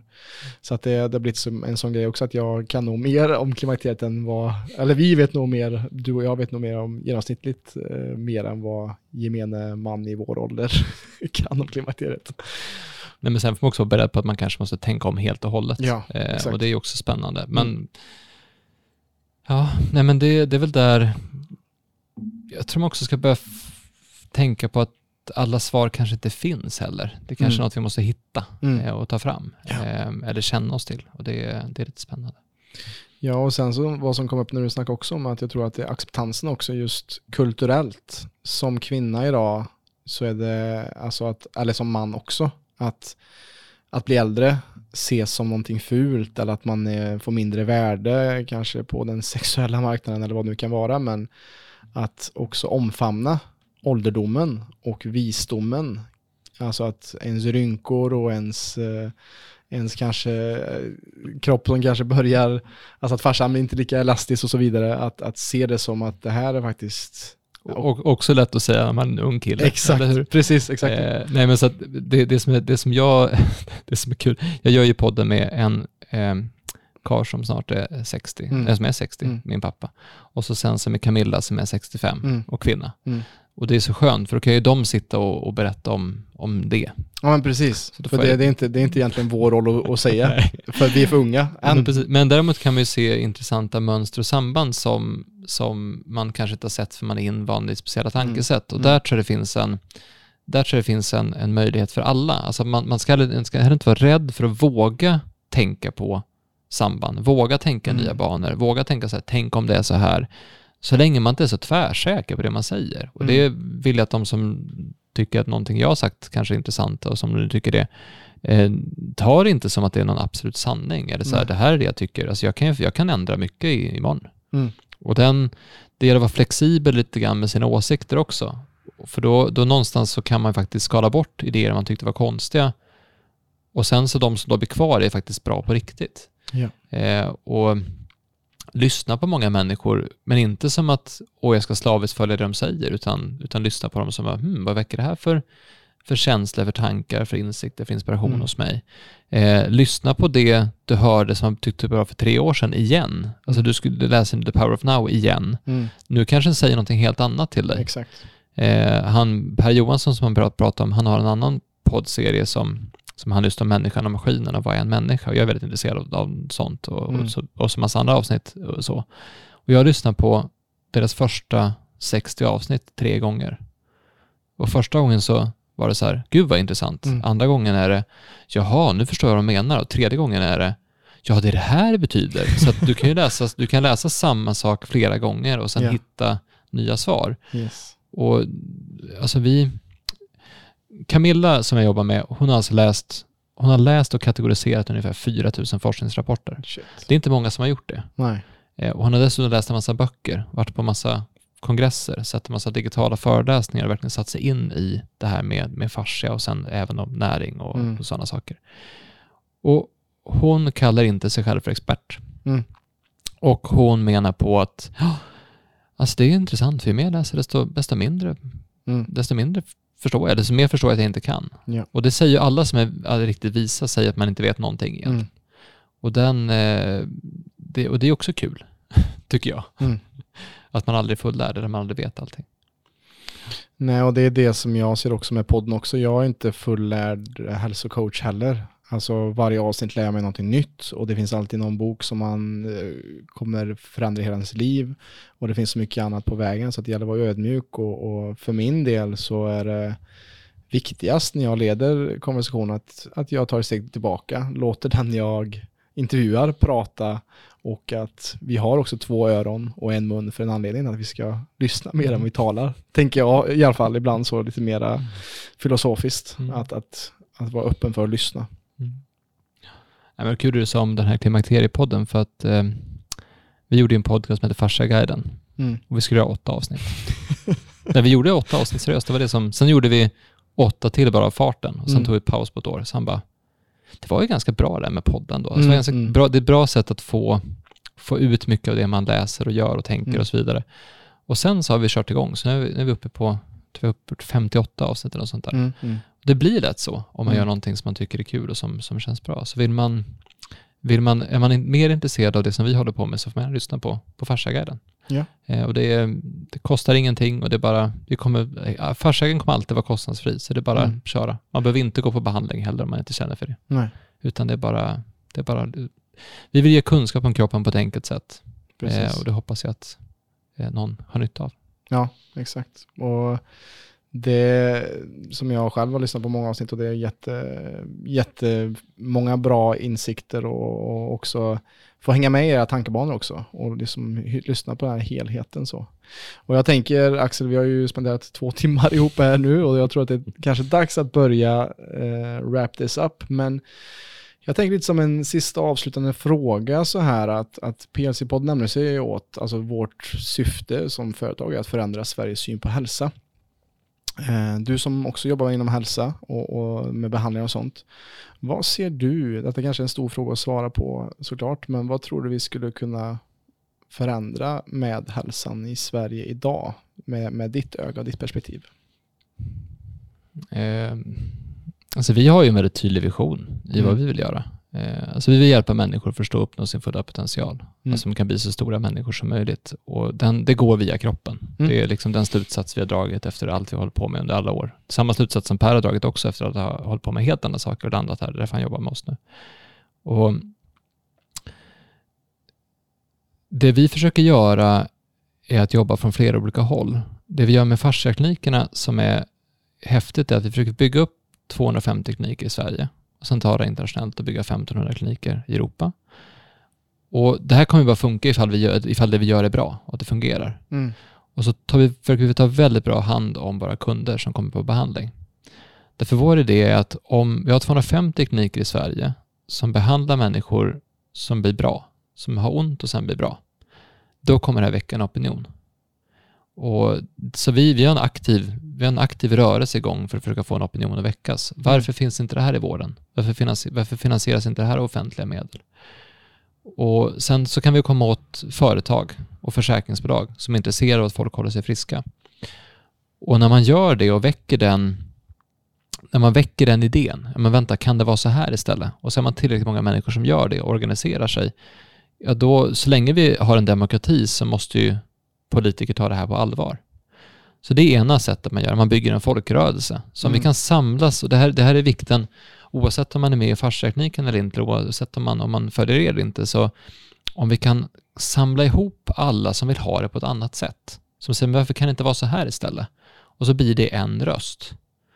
Eller flera röster, med att, med att man samlar ihop det, att det inte bara, att det, att det inte bara flyter runt, utan det blir en, en enad riktad kraft. Men vi vill faktiskt att det ska vara, det här ska finnas med, det här ska, tas, det här ska pratas om. Eh, Allt ifrån näring till livsstil, till hälsa, till behandlingar, till vad det nu kan vara. Till den faktiskt nya forskningen som finns, om man börjar prata om den också. Mm. Och så kan man skapa en, en gräsrotsrörelse och en, folksrö- en folkrörelse kring det. Samtidigt så ska vi börja med, med lobbyism mot eh, politiker och, eh, och företagsledare och, eh, och den typen av beslutsfattare.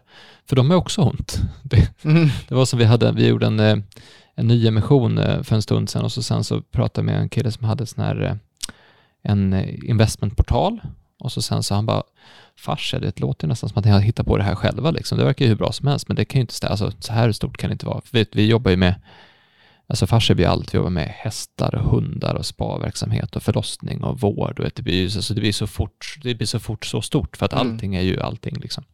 Han bara, det, det, det där låter liksom jättekonstigt, men sen, ja men det, det kanske är bra i alla fall. Så kom han på en behandling och han bara, det, det var bra det här. Då skickade han dit sin kompis som hade frozen shoulder och som har letat i flera alltså efter lösningar. Högt uppsatt chef på ett jättestort bolag. Och han bara, det här var ju skitbra, det här funkar ju. Mm. Och det räcker med att du hittar En några sådana Mm. som plötsligt Mm. börjar säga, men det är klart att min personal ska ha det här. Mm. Och så börjar du få en annan typ av spridning. Men tricket är ju inte så här, vi säljer ju inte behandling. Vi säljer en lösning för de som har ont, men framförallt kunskap om kroppen på ett enkelt sätt. Ja. Och när fler och fler börjar få, få upp det här och börjar tyck, prata om det här så kommer det skapas en, en debatt, en diskussion. Alltså det kommer lyftas upp på ett annat sätt. Då kommer man börja bedriva forskning på ett annat sätt. Man kommer börja titta på människor på ett annat sätt. Man kommer börja prata om varandra, om hälsa på ett annat sätt, börja ta hand om varandra på ett annat sätt. Målet är väl att folk inte ska gå till jobbet och känna sig olyckliga, utan folk ska gå till jobbet och känna sig glada. Och om du har, som du sa det här med att när, du, när, när folk har gått igenom era program så så tänds någonting i dem. De, blir liksom, de tittar upp på ett annat sätt, eller de blir raka, eller de liksom får en annan blick i ögonen, en annan, en annan energi. De börjar fundera på att de ska göra det här, det här de alltid har drömt om och så vidare. Den typen av människor tar ju bättre hand om andra människor. Ja. Så att när människor börjar liksom må bättre så kommer det här spridas på ett annat sätt. Mm. Och kan vi göra det i Sverige och i Europa, då kan vi ju, det, kan ju, det tar ju aldrig stopp. Nej. Och det är det någonstans som, som vi försöker aktivt jobba med. Det som jag blir så glad över, det är att det är så många som gör det på sitt sätt Mm. runt om, inte bara i Sverige utan resten av världen också. Mm. Så att det finns en jättestark underström av rörelser, organisationer, företag och så vidare som verkligen vill lyfta fram ett annat sätt att se på kroppen. Mm. Det är därför jag tackar ja till att vara med i den här podden också. För det var så här, du mejlade mig och bara, det här har jag aldrig hört talas om, men äh, skitsamma, det blir jättekul liksom. Varför inte? Så här, Ja. Det spelar ingen roll. Eh, det är väl kul att, få slå ihop här och så sen så kanske finns samarbetsmöjligheter, eller kanske inte. Man, man får ju Mm. se vad som händer av en sån sak, men att man, är, att man är öppen för att vi gör ju det här tillsammans, därför att målsättningen, eh, alltså det är väl jag och, väl jag och Hans och Ivar, alltså min bror och min far, märkt väldigt tydligt att vi är väldigt olika och vi har ju egentligen olika talanger, olika ambitioner, olika drivkrafter. Men vi har lyckats slå ihop dem till någonting vi alla kan enas om att tro på. Och då går vi gå åt rätt håll tillsammans. Ett samma håll, alla åt samma riktning och då blir det väldigt, väldigt starkt. Och de vi har fått in nu, både anställda, terapeuter, eh, franchisetagare, konsulter, de vill också åt samma håll. Mm. Och när man är flera olika människor som vill åt det här hållet, då börjar det liksom, då börjar det ta fart. Eh, och jag tror att det kan jag tror att det kan gå väldigt fort och jag tror att det kan bli väldigt stort. Tror jag med. Och det kan verkligen bli ett helt annat sätt att se Mm. på kroppen. För att, Mm. alltså, titta på sjukskrivningar då. Det är psykisk ohälsa och det är eh, ryggvärk. Det är liksom de, de vanligaste. Det här är saker vi kan bli av med. Mm. Så vi, tänk, om, tänk om alla är friska, vad skulle hända då? Exakt. För, för det är som du säger, någon som är frisk, någon som mår bra, den, det, det kommer vara svårare för den att, att göra någon annan illa. Ja, Och för att mår du bra, så vill du att andra ska må bra. Mm. Mår du dåligt så är det, då är det enda du bryr dig om är din egen överlevnad. Och då kommer du inte tänka så mycket, då kommer du inte ha så mycket energi till andra. Ja, och så kanske du är otrevlig mot folk och du, Exakt, liksom sådär, du sprider. Så det sprider ju sig Ja. oavsett vad du gör. Och där, eh, jag, jag tror att eh, jag känner extremt stort hopp för Mm. det vi håller på med. Mm. Ehm, och det är därför vi jobbar så hårt som vi gör också. Ja, men jag förstår Ehm, det. Men, eh, och, det, och de som inte tror på det, de behöver inte tro på det. Nej. De som inte vill vara med behöver inte vara med. Exakt. Och de som, alltså jag är, du får göra precis vad du vill med ditt liv. Mm. Det, är, det är den biten, för jag kan inte göra något annat än att säga, det här gör vi Mm. och det tycker vi är kul. Så försöker man inspirera folk att göra det som är rätt för dem. Ja. Och det här passar inte alla. Nej. Eh, det som vi, vi har ju varit väldigt tydliga med att de som, alltså vi tar fasciaklinikerna då som är det, det bolag vi satsar mest på just nu, för vi ska bygga upp det, låta det rulla på egna ben och så vidare. När det är klart så går vi vidare på förlossningsvård framförallt tror jag vi kommer satsa mest på. Mm. För det, och då inom vård, alltså inom hälsovård. Ehm, då, då har vi varit väldigt tydliga, vem är det här för? Mm. Eller först, vad är gapet vi fyller? Ja, men det, det är väldigt många människor som har ont och som inte får bra hjälp. Mm. Det, så är det ju. Och det är väldigt svårt att veta hur man ska hålla sig frisk. Ja. För det är mycket, det är mycket rörigt där inne. Jaha. Och varför ska man gå till oss? Ja, men vi har mycket kunskap om kroppen, framförallt om det här med fascia. Vi har lång erfarenhet av olika typer av behandlingar. Vi har en bra maskin, en bra behandlingsprocess och vi har människor som jobbar här som verkligen brinner för att hjälpa andra människor. Jaha, och sen vem är det här för då? Jo, men det här är för de som har ont. Därför att de som har ont är de som är vår målgrupp. Därför att de som har ont och sen får hjälp, det är de som kommer sprida det här på ett annat Mm. sätt. För du, du brinner för att berätta att du har fått hjälp från din smärta, Mm. snarare än att ja, men jag har fått hjälp med att bli lite bra. Men det är också för de som vill må bra och som vill prestera och som vill utvecklas i själva sin kropp. Men det är inte för de som söker en quick fix. Nej, Alltså de är inte välkomna till oss. Nej. Och det är vi ganska tydliga med. Det är inte för dig som inte tror att du kan bli bra. mm. Du måste tro att det finns en lösning någonstans. Du kan Mm. inte komma hit och bestämt dig på förhand att det här kommer inte funka. Dels för att det inte kommer funka och dels för att vi inte vill ha det. Alltså, det, inte, alltså, det, blir, för mycket jobb för oss, det blir för Mm. jobbigt för oss. Alltså, jag, Mm. vi, vi ska inte hålla på att övertyga folk om att det här, är, det här är bra eller inte, utan vill du ha hjälp och du tror på att du kan bli bra, då, kan, då är du varmt välkommen till oss så ska vi göra vårt absolut bästa. Mm. Eh, och sen är det inte för de som är skeptiska mot det som är nytt. Mm. Då får de komma sen, någon annan gång. Mm. Och då får du ganska tydligt vilka, det, vilka som du bygger rörelsen kring. Exakt. För det är det vi håller på med. Vi försöker bygga en rörelse. Vi försöker inte att, att bygga ett eh, multimiljardbolag. Utan det kommer i så fall bli en konsekvens av att vi gör det vi brinner för. Mm. Ehm, och det, det tycker jag är häftigt med att få driva, få driva bolag. Att man kan faktiskt bestämma vilken typ av bolag man vill driva. Exakt. Ehm, och, det, och det går oftast väldigt bra om man följer hjärtat och den, den, ja, den känslan man har kring det. Ja, ofta så banas den vägen ut för en istället för att man eh, börjar åt andra hållet om man ska tjäna massa pengar och istället för att jobba från hjärtat. För att oftast, och det märker jag också i min egna, egna livsväg också, ju mer jag slappnar av av tillit och följer mitt hjärta, desto mer öppnar livet upp sig för mig också.